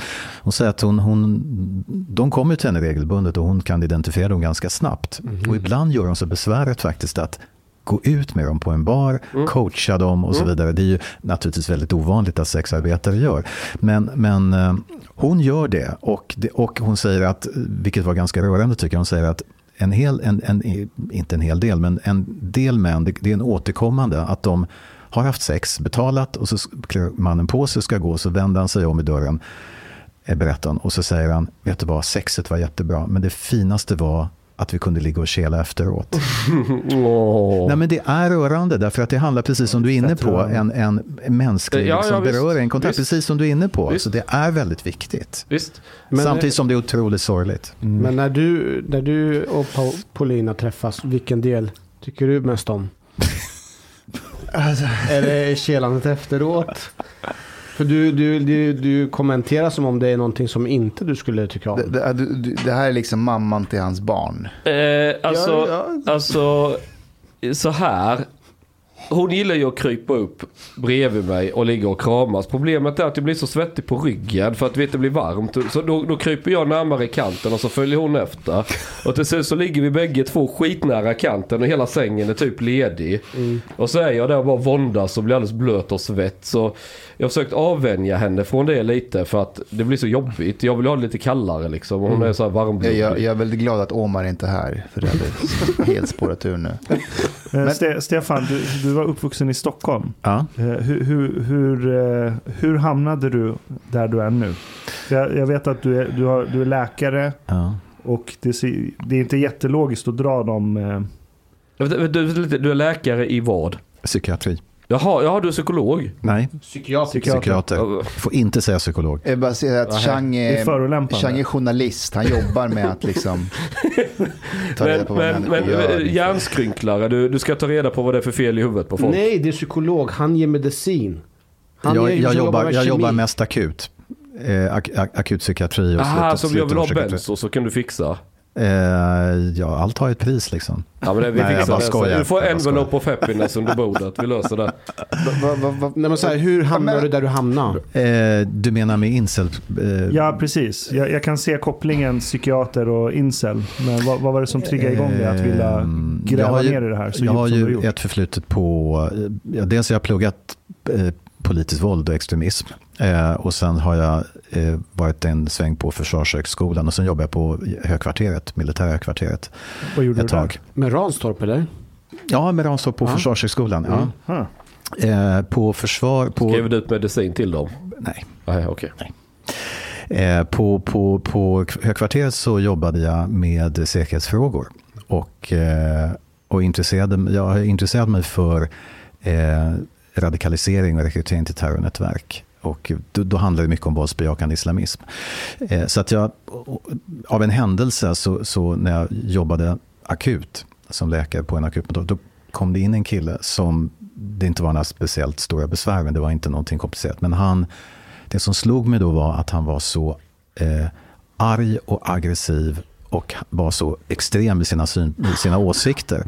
Och han hade avancerade planer på att ta till våld och annat som gjorde att jag blev väldigt, väldigt oroad. Eh, och han var en incel.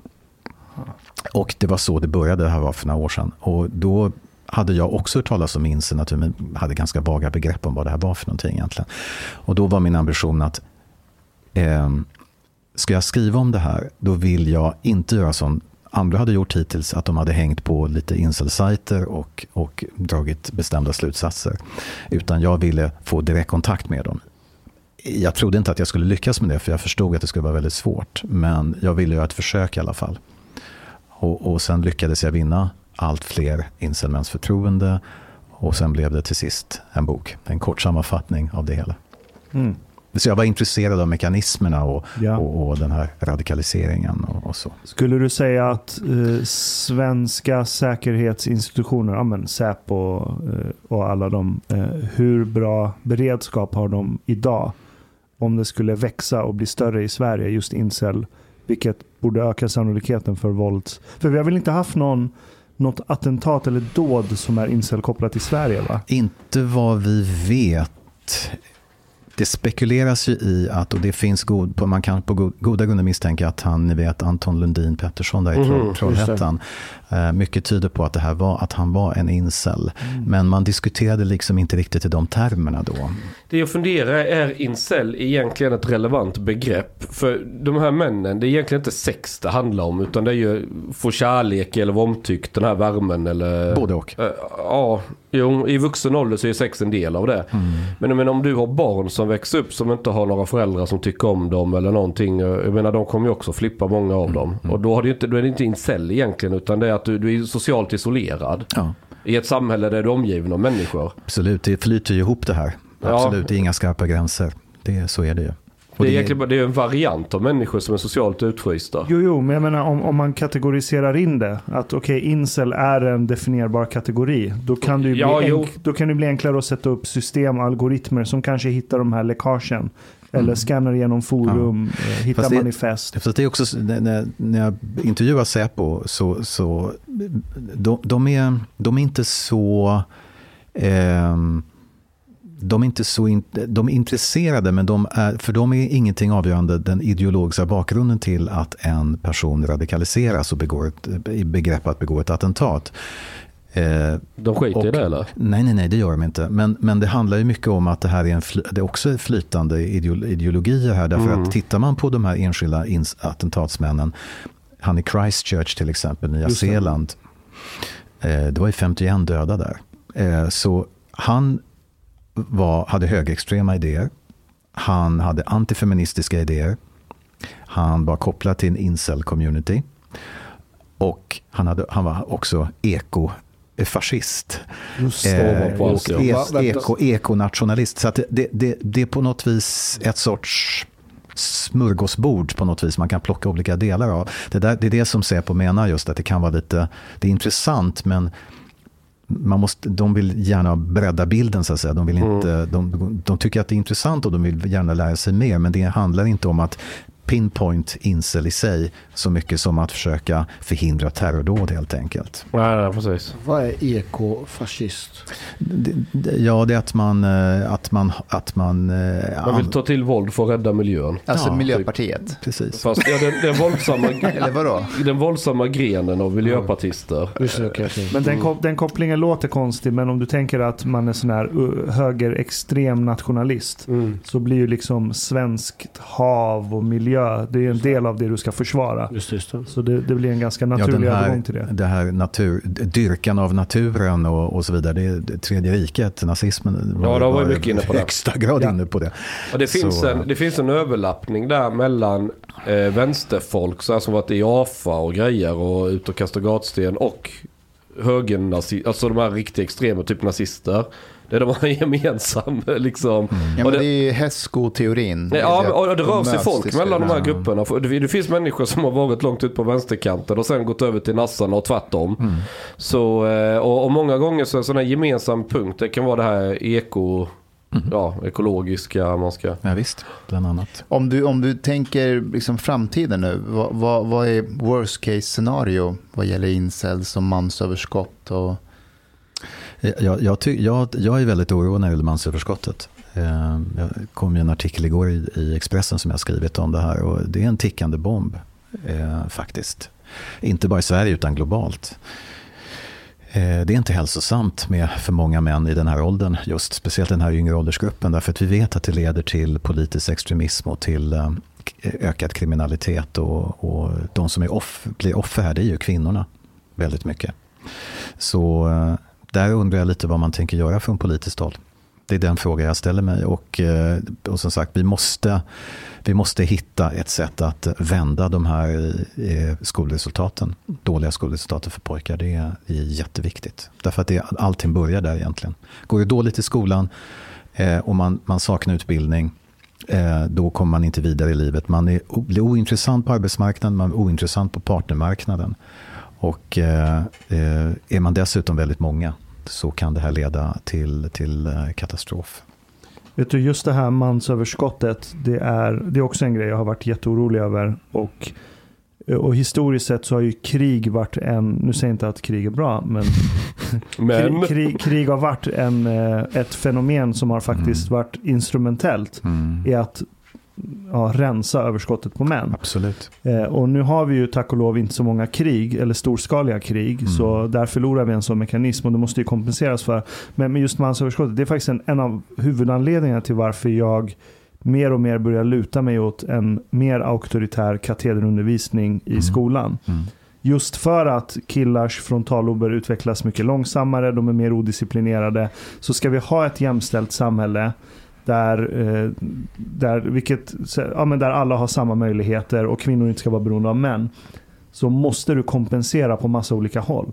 Och jag ser ingen annan lösning än att, eller jag ser det definitivt som, vi måste ha det som en lösning, att gå till en mer auktoritär skola. Just av den anledningen. För att så, skolan är, visst det är en kunskapsanstalt på många sätt. Men jag skulle säga att det är mycket mer en socialiseringsinstitution Mm som är outsourcat till staten. Och nu, killarna blir inte insocialiserade i den roll som de måste ha idag. Mm. Om jag, om jag frågar dig så här, Ashkan, eh, om vi tar skolan och, och att det skulle bli mer som auktoritär, eller en, en, en auktoritet som saknas i skolan. Hur många Anna-Karin Wyndhams finns det bland lärarna och hur många motsatsen finns det? Eh, Det finns väldigt få Anna-Karin jag Ja, och då tänker jag så här, du vet, det finns lärare som jobbar med yrket som absolut inte kan, alltså de måste byta identitet i princip. Ja. Så även om det kommer uppifrån att nej, nu är det liksom ordning och reda som gäller i våra skolor och, och det här är om man ska gå igenom här i checklistan så kommer ju de att göra uppror, alltså lärarna. Ja, men det är Nej, för jag är inte så säker på det. För att å andra sidan så är det ju många lärare som säger att lärarens auktoritet har ju försämrats. Och många lämnar ju yrket på grund av att de har inte den maktmöjlighet som man har förut. Ja, men kolla, en, en grej som vi missar där det är att om du pluggar till lärare, de som bedriver undervisningen på universiteten, eh, de är inte i majoritet när det gäller de som förespråkar en mer auktoritär skola. Så de blir ju inskolade i en undervisningskultur som inte alls är auktoritär. Det är det jag menar. Så selektionsmekanismen för vilka som söker sig till lärarutbildningen, redan där så är vi i underläge. Det, det är samma sak med de som är socionomer. Ja. Vilka är det som söker sig där? Det är, alltså nu är jag fördomsfulla, men jag generaliserar för att jag har en Du poäng. tänker på batikhäxor nu. Jag gör en generalisering att, att de... Jag älskar att utlägget du kommer göra nu som tar en minut är Kunde sagt på en kondenseras sekund. till ett ord. Ja. Nej, men de har en föreställning om att de ska rädda världen, de ska rädda unga och man ska vara mjuk. Och... Som jag sa, som jag sa. Undrar Ja. om det finns ett ord Det för finns ett ord här som vi kan använda. Det- Fan vad jag hatar dig. Men jag har en annan idé också. Jag, jag presenterade förut att eh, du som franska främlingslegionen. Vi borde ju, eh, eh, vi borde ju köra något liknande i Sverige också. Eh, de som döms tidigt till, liksom, till våra anstalter eller ungdomshem och så här. Kan ha en specialenhet. Eh, svenska främlingslegionen och skicka dem direkt till Afghanistan. Släppa dem i en helikopter, de får vinschas ner och till en eh, dal, kanske Panjshirdalen. och där, där får de uppfostras av, eh, Av talibanerna. av Mustafas eh, kusiner. I att vara, hur man kan vara en riktig man. Och, och där kan de ha med sig Mustafas bok också. sju råd till Mustafa. Sju råd. Och där kan de jobba med sin manlighet och komma in i samhället och eh, jobba med, bekämpa eh, talibanerna. Men, och om de sköter sig bra och det går bra, då kan de, Om de överlever. om de överlever så kanske de kan få komma Kan hem. jag få tv-rättigheterna till det här? Eh... Det kan eh, diskuteras sen. Men alltså på riktigt, nu skämt åsido, men jag tror om inte vi kan ha krig på samma sätt som man hade förr i tiden så är det här en lösning, en tillfällig lösning. Alltså att man får åka iväg på lite så här Fast uppfost- om, om de förutsatt att majoriteten av dem överlever och kommer tillbaka så kommer du fortfarande ha ett överskott av män. Fast de kommer tillbaka och disciplinerade och gentlemän. Men det Fast finns jag har- fortfarande inga kvinnor till dem. Jag vet hur vi löser det här. Det Då, då, har du, då har du militärtränade incels. i, I vilket... det är I, det du får. i, i, Du får fucking special forces som inte får ligga. Det är det värsta du kan göra! är det inte det USA har gjort med talibanerna? Jo! men, men, men jag har... Men hallå, det finns ju ett land som har stort kvinnoöverskott där det nyligen varit krig. Och det är Syrien. Mm. Där har massa män dött nu efter inbördeskriget. Det är bara... Varför kan aldrig den här feministiska regeringen få för sig att importera lite kvinnor istället för massa män i alla Vet åldrar? ni, vet ni att talibanerna går nu alltså by till by och säger i radion att varje kvinna i ett hushåll som inte har en man och är i rätt ålder Ja. ska gifta sig med en taliban. Det är ju incels, de har fått makten, nu vill de implementera. Och och de har ju lösningen med ju. Vi kanske kan lära oss något av talibanerna. Nej men eh, du Stefan, alltså eh, mansöverskottet, är det, är det speciellt för Sverige eller är det Europa? Alltså, hur, hur ser det ut med våra grannländer? Ja, det är samma. Det är inte, inte, mans, mansöverskottet i Sverige i, i den här åldersgruppen är större än i de nordiska länderna. Än i de nordiska länderna. Eh, talar vi om Indien och Kina, där kommer det fortsätta att öka tills det vänder. Vissa forskare tror att eh, kulmen är, kommer nås kanske om en 20 år någonting i Kina. Eh, då talar vi om ett, en kvot på kanske, vissa talar om 150, 160, 170 på 100. Eh, Den normala kanske 105 till 100. I, i, men i, i Sverige tror jag vi är 110 nu eh, till, till 100 i den kvoten. Så ja, det här är ju ett, det är ett problem som inte bara är, är i Sverige. Eh, titta, det finns också, jag nämnde i bok, intressant, i östra delen av Tyskland var det åtminstone tidigare det största mansöverskottet i Europa. Så då har man tittat på det. Då visar det sig att i östra Tyskland så eh, när mansöverskottet nådde 20 procent, det var 20 procent fler män, då plötsligt hände någonting verkligen eh, dramatiskt, säger en tysk forskare där som har tittat på det där, att då ökade antalet högerextrema organisationer ganska mycket. Eh, förutom det faktum med, med psykiska besvär och depressioner och, Mm. och, och, och eh, ökade eh, sexualövergrepp mot kvinnor och så vidare. Vad, sa du, där det var 120 till 100?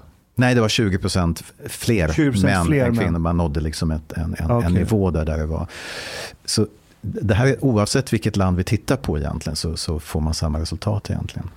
Det, Mm. det, det, det är inte bra. Fan vilken dyster podd Och när man tittar på, migrations, när man tittar på migrationspolitiken. Vissa eh, titt, säger att, eh, att Kanada eh, som försvarar den nuvarande migrationspolitiken säger att titta Kanada har gått bra för men det, det, jag kan inte riktigt få ihop det därför att Kanada har varit otroligt selektiva. Ja. Unga män är inte välkomna dit, det är familjer och kvinnor. Varit Och, och man har kunnat tagit in ett antal eh, som det har gått att integrera på ett helt annat sätt också än i, än i Sverige. Så jag, jag kan inte förstå... De har ju elitshoppat in sin migration. ja. Och Sverige har tagit bottenslasken. Jag, jag, Ganman och jag träffade ju eh, Kawesa när hon var partiledare för Fi. Mm. Och, eh, och vid ett tillfälle så frågade vi henne, ja men, eh, hur, säg ett land som Sverige, som Sverige ska kopiera integrationspolitiken så att det blir bättre. Vilket, vilket annat land gör det bättre, tycker du?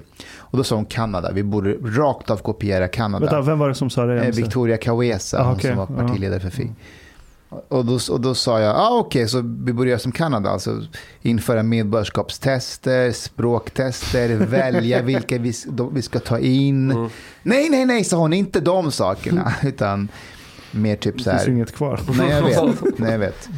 Eh, jag, jag, tror att eh, det finns de som ser typ han Bordeaux eh, och tycker att fan vad snygg han är och så tror man att... Trudeau eller? Trudeau. Trudeau. Bordeaux. Han har ju, Bordeaux han har ju flippat totalt. Jag tror det var ty- för några dagar sedan. När han stod och pratade om att covid-pandemin har lett till en recession och de behöver en recovery. Vet ni vad han stod och sa? Nej. Han sa yeah and the pandemic has resulted in a re, eh, no sorry, in a she session and now we need a she covery to get out of this. Alltså du skojar. Nej, nej, nej, nej. Du det här är sant. Så det var för att könsneutralisera. Och det är så här, vad har re med maskulinitet att göra? Att han byter ut recovery till she covery. It is exactly the example of the kinds of things you need to do to counter the she session, the she session and turn it into a she covery.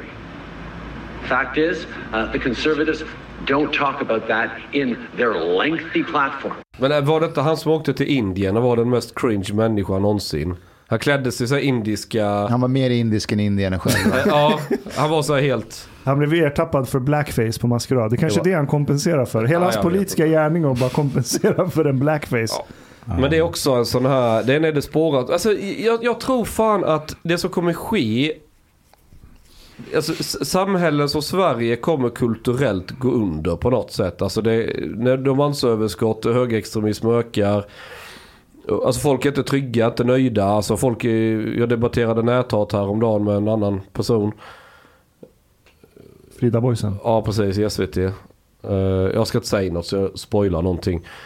Men, men... eh, och ur detta så tror jag folk kommer söka sig till det mer konservativa sättet att leva det som faktiskt funkar. För när det, när det blir för mycket kaos då vill folk ha ordning igen.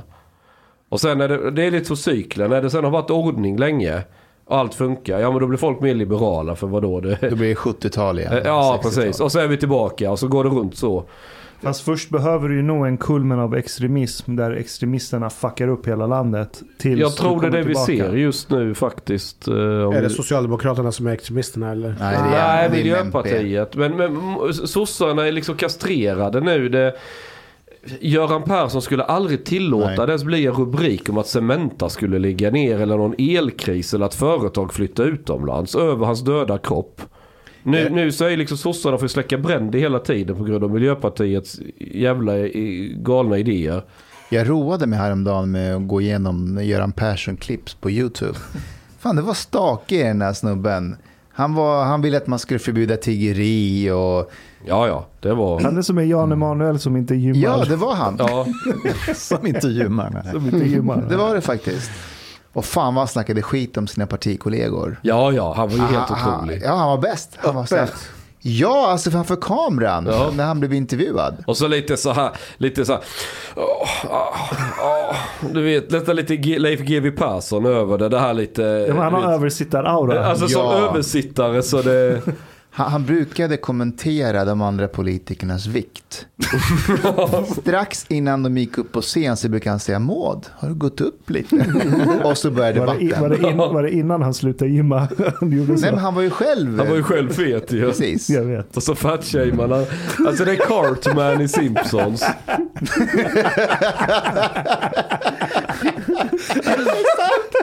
Cartman. Ja. Haha. Ja. Ja, det kanske behövs en Göran Persson igen i det här landet. Vä- vänta lite. Eh, en psykos kan bli kronisk säger du? Ja, alltså när man, eh, när man missbrukar, eh, och det kan gälla både cannabis och annat också egentligen. Så det kan det vara en trigger då för? Ja, ja, det vet vi ju. Eh, Vissa, ibland kan det vara en trigger för en schizofrenisjukdom. Men det finns också forskning som visar att, att det är en speciell typ av canna- cannabispsykos som bara går igång just därför att man har missbrukat cannabis eller använt det. Som gör att man kan ja, få en psykos. Som inte är schizofreni då? Nej, precis. Jag vet en kille som rökte på alldeles för mycket, fick psykos. Åkte till Turkiet i badrock. Var, det Från Stockholm. var det den han gjorde liksom? Ja, han hade åkt till Arlanda i flipflops och badrock. Och kalsonger hade han väl på sig. Och lyckats lösa biljetter och hamnat i Turkiet. Hans morsa fick åka ner och hämta honom där. Det är konstigt att man släppte ombord honom. Ja, alltså det, det var också min reaktion. Det men, men nej, det hade han gjort. Han hade lyckats. För att, bara för att du har en psykos betyder inte att du inte kan agera i, alltså inom psykosen ändå rationellt. Ah, tveksamt. Är det verkligen det? har man en, har man en, en, en fulminant psykos, en, en liksom riktig psykos, så är man, då saknar man ju verklighetsförankring. Det är ju liksom en För jag, jag var ju, har, har du läst min artikel när jag åkte till Moskva med Pavel Gamov? Nej. Aha, okej, du har missat något. Mm. För jag, jag misstänker att han är bipolär och hade ett maniskt skov. Jag tänkte just om det var Pavel Galvin. Nej, det var inte Pavel. Det är en annan kille jag tänkte på med, med Turkiet. Men både jag och ryssarna där. Och detta var ju lite KGB-folk med ju. Så de har ju lite psykologiutbildning ju. Alla sa att ha- ha- han har, han har inte samma verklighetsuppfattning som vi andra. Nej, Det var liksom en sån här grej. precis. Och, och jag vet inte. Det, kan man kalla det psykos eller var det bara ett maniskt skov eller vad det var? Men det var alltså.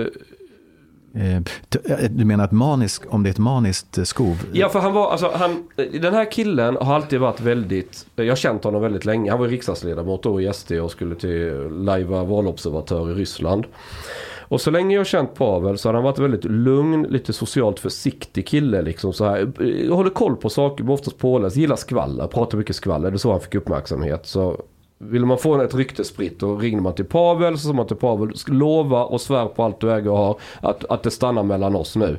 Ja, jag lovar, jag lovar. Är det helt säkert Pavel? Bra, okej. Och så berättar man då vad det var man ville att ska spridas till alla. ja. Precis. Det var så man gjorde i, i SD då när han var där. Och alla gjorde lika, alla visste hur Pavel var. Mm. Men, men han har alltid varit den här lugna killen, lite försiktig och så här. Socialt väldigt försiktig och lugn. Ja. Sen träffade jag, då var det plötsligt som, fan har han tagit amfetamin eller liksom tänkte jag. För han var så jävla, jag ska bli miljardär. Du vet han ägde hela världen. Du vet pang pang vi gör detta. Bara och, helt, helt 110 km i timmen allting. Och likadant i, i Ryssland. Där, där han skulle träffa brudar. Han skulle, mycket sket ju sig med hans planer. Men, men eh, han ställde ju till det för sig hela tiden. Men totalt obrydd.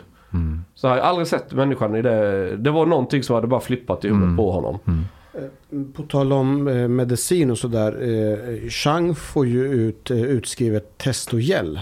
Vilken, va, va, eh, och du sa att du fick det för att du hade haft panikattacker. Ja, stress. Stress. Mycket stress. Och får man så här panikångest. Det är det signalsubstansen inte i balans. Och då kan kroppen rent fysiskt, höga kortisolnivåer tror jag det beror på. Stämmer det där? Eller din uppfattning? Eller hittar Alltså hjärtat rusar typ exempelvis. Ja, när man får panikångest så, så blir det så. Då får man ju hjärtklappning bland annat. Och Mm. Ja, andnöd och svimningskänsla och yrsel och sådär. Det är ju svettningar och så. Ja, och då brukar man få utskrivet olika mediciner eh, som ska vara så här eh, varför- var- serotoninhem, eh, vad heter det som... Eh, SSRI. eh, ja, sådana kan man få. Och man kan få eh, Atarax eh, som är egentligen en eh, allergimedicin eller bland annat. Mm. Men de blir man lite krukväxt av. Atarax blir, blir jag det i alla fall. Jag blir, Vad blir bara, Som en krukväxt. Jag, jag gör ingenting. Man känner det bara dövar allting. Man bara sitter liksom och stirrar i en vägg. Eller så här, man blir väldigt... Men testosteron gör att man blir mycket mer stresstålig.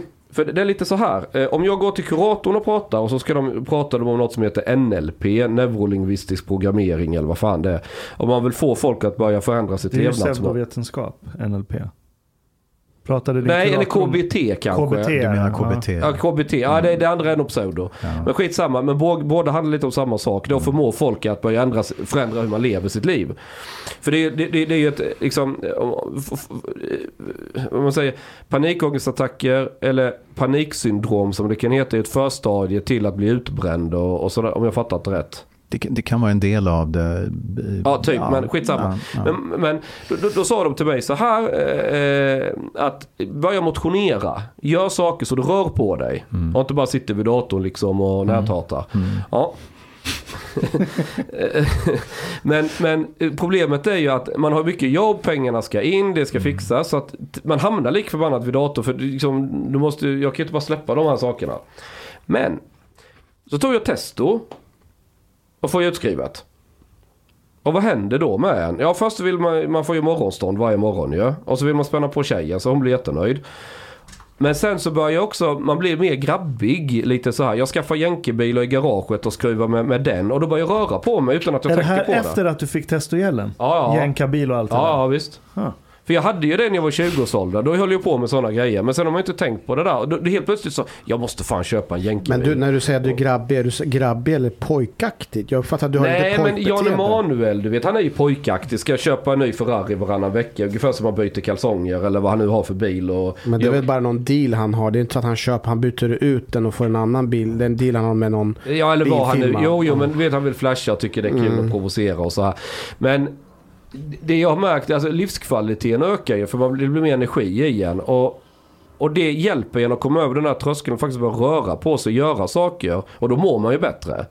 Mm. Så att för många är ju så här jätte... Och, och, och jag funderat runt det där. Om jag skulle käka piller så man pratar om lyckopiller och skit. Men det, det är ju bara döva symptom. Alltså, Jag, har, jag har aldrig talas om att man skriver ut testosteron för de här besvären. nej, jag, är nog, jag, jag är nog en av de första som har fått dem för det eh, anledningen. eh, Alltså det är inte ja. så, notera dock, det är inte så att jag tar några stora mängder. Det är Nej, inte Jan. Emanuel, du ser ju på mig. Jag är liksom, jag är inte någon muskelknutte. Jag, jag, jag, jag tror inte man ska underskatta de mediciner man får för depression. Heller att, att det är bara att gå ut och röra på sig. Vissa har det rätt jobbigt och då hjälper faktiskt mediciner rätt. Ja, men, men, det- men röra på sig är ju en sorts med, alltså det är ju det. Ja, men det är inte typ att om du bara är ute och tar en timmes promenad Nej. så försvinner det. Nej. Nej, men talar vi om, om, om, om svåra depressioner så räddar vi ju liv eh, med antidepressiv medicin. Såklart. Och det, problemet, för, problemet är ju, om, om vi kommer in på, nu blev det plötsligt psykiatri här, Ja. men, men kommer vi in på det här med just när det gäller så kallade, jag hatar uttrycket lyckopiller därför att det är ungefär som att ta piller så åker man upp i rymden av glädje. Nej, då måste det, man ta, det, är det är eh, inte så det funkar utan det, det handlar ju liksom om att återföra en till den normala nivån igen genom att ta de här medicinerna. Men problemet är då att, att vi skriver ut alldeles för många antidepressiva mediciner till folk som inte behöver det. Därför att de går igenom saker som hör livet till. Precis. Det här är en av, min, en av mina käpphästar. Jag har kämpat i många år. Att låt bli att skriva ut så mycket medicin till folk. Låt bli att diagnostisera, sätta diagnoser på normala fenomen i livet. Men jag Eh, läste och- på Flashback att ni är betald av Big Pharma. Så att det är därför ni skriver ut en massa. Ja, men det, det, det där är, det är ett stort problem. Jag förstår att du gör, men det, det är ett stort problem. Eh, å andra sidan så missar vi allt för många som verkligen behöver det här. Och då talar om vi kommer in på hem på män igen. Män är dåliga på att söka hjälp Mm. och de maskerar sina eh, psykiska besvär. Jag nämner det i boken också att, att när man tittar på om, man, om, man kom, om en man äntligen kommer och söker akut för sina eh, besvär, till exempel depressioner. Då börjar man tala i psykiatriska termer, diagnoser, då, då backar männen. Väldigt många män. Då vill de inte, men om man talar om konkreta problem, ja, men då kan de vara mottagliga för hjälp. Så att vi missar, alltså tricket är lite grann att, att, få, att kunna skriva ut antidepressiv medicin till de som verkligen behöver det och ge fan i att skriva ut det till de som inte behöver det. Typ Det är någon ju- som har blivit eh, dumpad av sin partner. Liksom. Ja. Då ska du må piss. Ja, Om ja. det är någon relation du Inte kommit om. in på någon utbildning, en relation som havererar Ja. och så vidare. Ja. Jag har, en, jag, har- jag har en teori om det här med psykisk ohälsa bland unga speciellt. Vi får se om det, om det ligger någonting i det. Men alltså, Ashkan, du har varit inne på det här med självförverkligande. Att det har blivit någon slags religion i Sverige. Och det, det skapar väldigt mycket press på, på personer att lyckas. Och, men ingen talar om för en att Ja, alltså självförverkligande gör, men- du vet, du kommer också misslyckas längs vägen. Det kommer göra ont.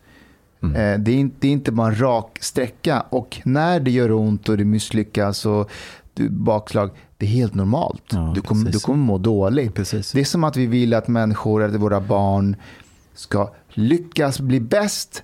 Men man, man talar inte om att det är ett jobbig väg, hör du. De ska gå i ett ständigt lyckorus ungefär. Ja men det funkar Det- inte. det- du det är ju inte så det fungerar. krasch. Det är ju Ja, som att du, du går på amfetamin i en vecka. Så den avtändningen sen. Jag, kör jag ett amfetaminrace bara några timmar. Så ska du veta hur man känner sig dagen efter. Det är, själen är ett svart hål. Man bara ligger och stirrar i taket. Chang, du vet inte ett skit om det. Du låtsas som att du vet. Men du, Chang, jag tänkte på en sak. När du har varit stressad och mått dåligt så här. Har du haft kunnat ha någon att prata med i din omgivning? Jag tycker det är en viktig fråga. Orka inte med. Nej men alltså Nej men det är det här som är problemet. Varför kan inte du prata om dina känslor med dina vänner? men, På riktigt, har jag inte rätt? Han, Alltså- bara, han pratar om att han Alltså, går han, han, är, nej, nej, nej, nej. han är känsloonanist. Han vill bara, bara sitta och gotta sig i vad folk känner och vad han själv kan känna. Och hålla på med som något jävla det där är framtidens man. Det är framtidens man. för dig, Män som, som kan kommunicera, har empati, kommunikationsförmåga eh, och så vidare. Det är det som arbetsmarknaden kommer efter, efterfråga i framtiden. Alla, Men inte alla, kvinnor. Det är, nej, men det är Fast jo, egenskaper det är som kvinnor, kvinnor, äldre kvinnor men- som går igenom de här männen som inte kan uttrycka sig. Så småningom kommer komma fram till att det här är bästa varan. Och det är precis vad du vill ha, Hanif. Nej, inte vad jag vill ha, kvinnor. men ändå. Men jag är nyfiken på, jag menar, som Du psykiater. svarar inte ens på frågan. Nej, har jag du. Men Varför kan jag inte svara på Vadå frågan? prata med? Nej, men så här, om du mår dåligt och är ledsen och, och känner stressad, kan inte du, du... Ibland så känns det bra att prata med någon annan. Till exempel dina vänner. Är Har jag du- på surt humör, då vill inte jag prata med Nej, någon. Då vill jag gå går ut i garaget och vara för mig själv. Han meckar med med bilar, det- det ja, räcker. Det, det är sånt som män gör, eh, Hanif. Nej, men det Testa det någon gång. Ställ nu frågan till Ja, Stefan. det jag tänkte är så här. Om man är Vänta psykiater. Mustafa, är det du som bestämmer eller vad som Ja, det, någon här får väl vara kvar. Eh, det, det, jag- så här. Du borde ju ha ganska bra koll på folk som knarkar olika roliga substanser, käkar psilocybinsvampar och, eller nej? Nej, inte riktigt. Det, det är beroendeläkare som, håller, som har koll på Nej, det men där. inte beroende, men folk som är lite psykonauter. Har du, har du läst de här trådarna på Flashback, eh, tripprapporterna? Jag försöker undvika Flashback. Alltså det borde ju vara superintressant om man är, Ja. eh, jag har det yrket. Nej, men det, fin, alltså, det finns ju eh, läkare som sys, bara sysslar med, med det här med beroende och problematik och, och För det- droger och så vidare. Ja, Så men det- för de flesta jag vet som... eh, Det finns, det ett begrepp som heter psykonaut. Jag tror du förstår vad det är. Det är Sammansatt av astronaut och psyk... Ja. Ja. Mm. De här människorna är ju inte beroende av substanser, alltså kemiskt eller så här, utan de tycker bara det är roligt att trippa och se vad som händer. Mm. Det, finns, det finns en substans som heter DMT. Om du har talat om... Nej, jag känner inte till. Okej. Eh, men det finns MDMA, har du hört talas om Mm, det? ja, visst, oh ja. Eh, Du ökar, boostar serotoninet i huvudet. Mm. Och sådana här grejer. Men, men så- sånt har ni inte liksom pluggat eller koll på vad som händer när... Nej, men vi, det, det, återigen, det är ju beroendeläkarna som Jaha. kan det här som dagligdags tar hand om personer som råkar illa ut som tar de här olika substanserna, alla möjliga substanser. De Ja. vet ju det här bättre. Eh, vi andra som håller på med akutdelen, vi, visst vi får ju in de här akut men sen så slussas de ofta vidare om det skulle vara något. Jag, jag läste någonstans att eh, en, en vanlig drog bland överläkare är, är heroin. Bland överläkare. Ja, det blir så mycket stress. Vart, vart läste du det här på Flashback? Nej, nej, nej, det var faktiskt en seriös artikel. Alltså att eh, de, nej, men, när de väl börjar missbruka, för att det är så mycket press med jobb och allt sånt där, så, så brukar de ta till Aldrig hört talas om någon, som, någon, Så- någon kollega. Första, första steget är ju att erkänna. Ja, jo. Men eh, heroin är ju... Nej, jag förstår. Men, men om jag frågar dig, eh, finns det missbruk bland, bland läkare? Ja, ja. Ja, oh ja. Oh, ja. ja, ja. Det är alltså kirurger som ska vara vakna och koncentrerade i 8-10 timmar. De, de tar ju amfetamin ju. Och det, Ja, det, Alltså under liksom... ja, för att hålla sig skärpta. Ja, ja. Piloter vet jag tar det, men då är det staten som ger... Eh, du vet när de är ute flyger, de måste koncentrera sig. Tar, de tar amfetamin ju. Ja, ja, Alltså stridspiloter. Ja, stridspiloter. Ja, ja. Ja, ja. Men kirurger får väl inte av... Jo, det finns. Eh, kirurg- jag vet inte om de skriver ut till sig själva eller nallar ur skåpet. För det, alltså, Stefan, Det hittar de här på nu? Eller nej, stämmer de här? nej, det här vet jag för det har jag läst i seriösa tidningar. Vilken tidning är det som är det, Ja, men det vad du seriösa? håller- Jag bara undrar vad Ja, det är men för säg vad som stod. Va- Nej men det var att, att eh, alltså kirurger och sådana som måste ha koncentrationen på max. Och tänk en lång avancerad operation som kan dra ut på tiden. Att det är inte ovanligt att de tar amfetamin, alltså det kanske är tablettform eller någonting som är liksom, inte, det är inget de har köpt på gatan kanske. Men just för att hålla sig riktigt eh, koncentrerade hela vägen. Aldrig hört talas om det. Ja, jag har läst om Aldrig det. hört talas Liksom. om det. Det, det. Men att missbruk förekommer även inom läkarkåren och sjö, sjö, sjuksköterskekåren, absolut. Men dock, är det missbruk? Ja. Eller bara bruk? Nej, jag menar missbruk då. Då men då är det ofta... Då handlar om, du, om du gör det, om, om, om du vet att nu, jag måste rädda Fast nu, liv. ta, nu, men, nu, ja, fast det är kirurg, att, att kirurger skulle ta amfetamin för att hålla sig vakna, det har jag aldrig hört talas om. Därmed är inte sagt att det inte kan förekomma ibland, men ingenting som jag har hört. Men, men däremot, däremot så finns det ju, och det har jag varit med om själv, kollegor som har uppenbarligen haft alkoholproblem och, eller bens, bensproblematik, benzo. eller både och. Det är nog det vanligaste i så fall, när det gäller missbruk. Benzo är den jag tycker nog är mest otäck av alla grejer. För den är så jävulst vad folk trillar dit på den. Och det är är- skitsvårt att sluta. Be- vad, vad får man eh, benzo? Vad är det? Det är väldigt är stark ång- antidepressiv. Nej, det är ångestdämpande, Ångestdämpande, med, ja, ångestdämpande okej, lugnande ångestdämpande. medicin. Det är rätt vanligt bland ensamkommande under 2015-16. Mhm. Var det? Tyvärr. Ja, men du vet, asylprocessen. Ja, ja. så brukar de, Mm. Antingen var det det eller så var det den här andra. Eh, fan heter den nu igen? Eh, Jo, men den är jättevanliga. Du, du, du kan till och med ta det som dropp i munnen. Terralen, Eh, tramadol. tramadol. Ja, det brukar Det är de ta. tunga grejer. Det är ganska Ja, tungt. jag vet. Men de, ja, alltså, de fick inte det av sjukhuset. De, de får, Ja, alltså illegalt. Ja, Ja. okej. Så, så substansbruk och missbruk, det är ingenting du har haft något så här extra fokus på Nej, under din karriär? nej. Det, är ju, det finns ju missbruksavdelningar. Det finns de beroendeläkare som... På Sankt Göran i Stockholm som är den enda akut psyk, psykiatriska eh, mot, mottagningen i Stockholm, Storstockholm. Där fin, det är en akutmottagning. Och där finns det ju också, precis en trappa ner så finns det en beroende akut. Mhm. Så att är det någon som kommer packad eller påverkad så kommer de till beroendeakuten på en gång om, utan att passera För de, de oss. får inte gola till polisen va? Hur då? Med vad? Om jag kommer dit och, och köpt fultjack och som jag har dragit och blir Ja, nej, nej, det är tystnadsplikt. Nej, nej, det. det är tystnadsplikt. Däremot så är det alltid bråk mellan eh, psykakuten och beroendeakuten. För att det händer ju att vi kommer in med typ berusade personer. Ja, då, då är det inte alkohol, då är det någonting annat. Och så, så går man dit så bara, det blir tjafs och bråk och till slut så bara, sköt er själva. Fan, vi, det är sjukhus som sjukhus. Ja, jag känner igen det där. Jag känner väl igen det. Stefan, har du följt eh, diskussionerna kring eh, psykedelika och forskning på Ka- Karolinska mot just depression? N- Nej, jag har inte gjort det, men jag är medveten om att det är diskussion pågår. Det är överhuvudtaget ett ganska hett ämne sedan ett, två år tillbaka, det här med psykedeliska droger. Och, Ashka försöker bara hitta ursäkter för att han ska få ta lite och prova och experimentera. jag förstår hemma. det. Jag Nej, men förstår alltså, det. jag, jag är klar, jag har gjort det, det är preskriberat, det var, det var i ett annat land. Vad har Eh, du tagit? En- Ett fåtal psykedeliska substanser vid ett fåtal tillfällen. Har du? Berätta mer. Det är preskriberat och det andra där. Nej men just de här psykedeliska substanserna, psilocybin till exempel Ja. och DMT, det är ju serotoninanaloger. Ja. Och de ger inget dopaminpåslag. Så Nej. det är ju väldigt låg frekvens av beroendeproblematik Mm. överhuvudtaget. Mm. Eh, Men i alla fall, det, det, det, de forskar Det finns en amerikansk författare, forskare som har skrivit, han- var det förra året? Eller för, för, en, Joe Rogan. Nej, Michael Pollan, Michael. Pollan, ja, journalisten Precis, ja. precis. Han har ju själv gjort de resorna. ja, precis. Eh, precis. och det rapporterat om Men det jag funderar, hur farligt är det om jag skulle ta 50 milligram MDMA och, och köra ett sånt här rus på det, serotoninet slår på. Hur, hur farligt, hur toxiskt är det för hjärnan? det, jag, vet- det är för, som sagt, det är inte Så- mitt område. Jaha, jag. MDMA är ingen klassisk psykedelika. Och den kan du faktiskt överdosera på. Till skillnad Ingen från... av av eh, ecstasy till exempel. Jo. Jo. Alltså Det- över- överdosering. Ja. Ja. för det är amfetamin i, och MDMA Ja, i man blandar det. Men eh, ren ecstasy ska egentligen vara MDMA. För att det var när man började, upptäckte substansen från början så var det en, prästjävel i USA tror jag det var som kallade det här för ecstasy. Och därifrån kom det sen. Och då var det fortfarande, den var inte narkotikaklassad så man sålde ju det som värsta lyckopiller till folk. Vilket det var ju ett lyckopiller för stunden. Ja, vi har, alltså det, det, problemet här är ju att, att det är ofta inte renodlat utan när, när det kommer in en patient som är ofta med polis då, eh, som, som är eh, knallpsykotisk och fullständigt personlighetsförändrad och det Ja. är bråk och, och slagsmål och så vidare.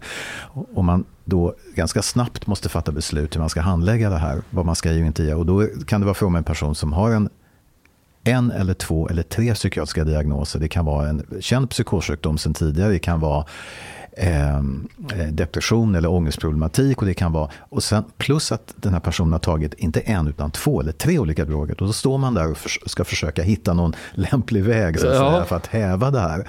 Så att det, det, är, det är ganska svårt eh, i olika lägen. Vad som, och, riktig häxbrygd av... Ja, därför att det, och, och, och dessutom om personer står på en mängd, och allt för, det är också ett problem att personer står på allt för många mediciner. det är liksom en gyllene regel, låt bli att sätta in massor. Därför att sätter man in massor med mediciner, då vet man inte vad som är vad. Nej, vad, vad som en sak i taget, tack. Ja. Det här kan tyckas vara hur enkelt och Och banalt sen som interaktion helst. med substansbruk. det- Dessutom, ja. precis. Men MDMA, ren form, används faktiskt i forskningsstadie i alla fall just nu i USA för parterapi. Ja, jag vet, jag vet. För folk öppnar ju upp sig som fan. Man blir Jag- hyperempatisk av det. Men du, gör, du kanske var, kan vara något för dig då, med tanke på att du har svårt att öppna upp dig. Ja, nu, kan, kanske du kan fixa lite för ditt jobb om ni har beslag någonstans. Kan du ordna lite MDMA till mig? Så jag Vi kan öppna börja så här redan mjukt.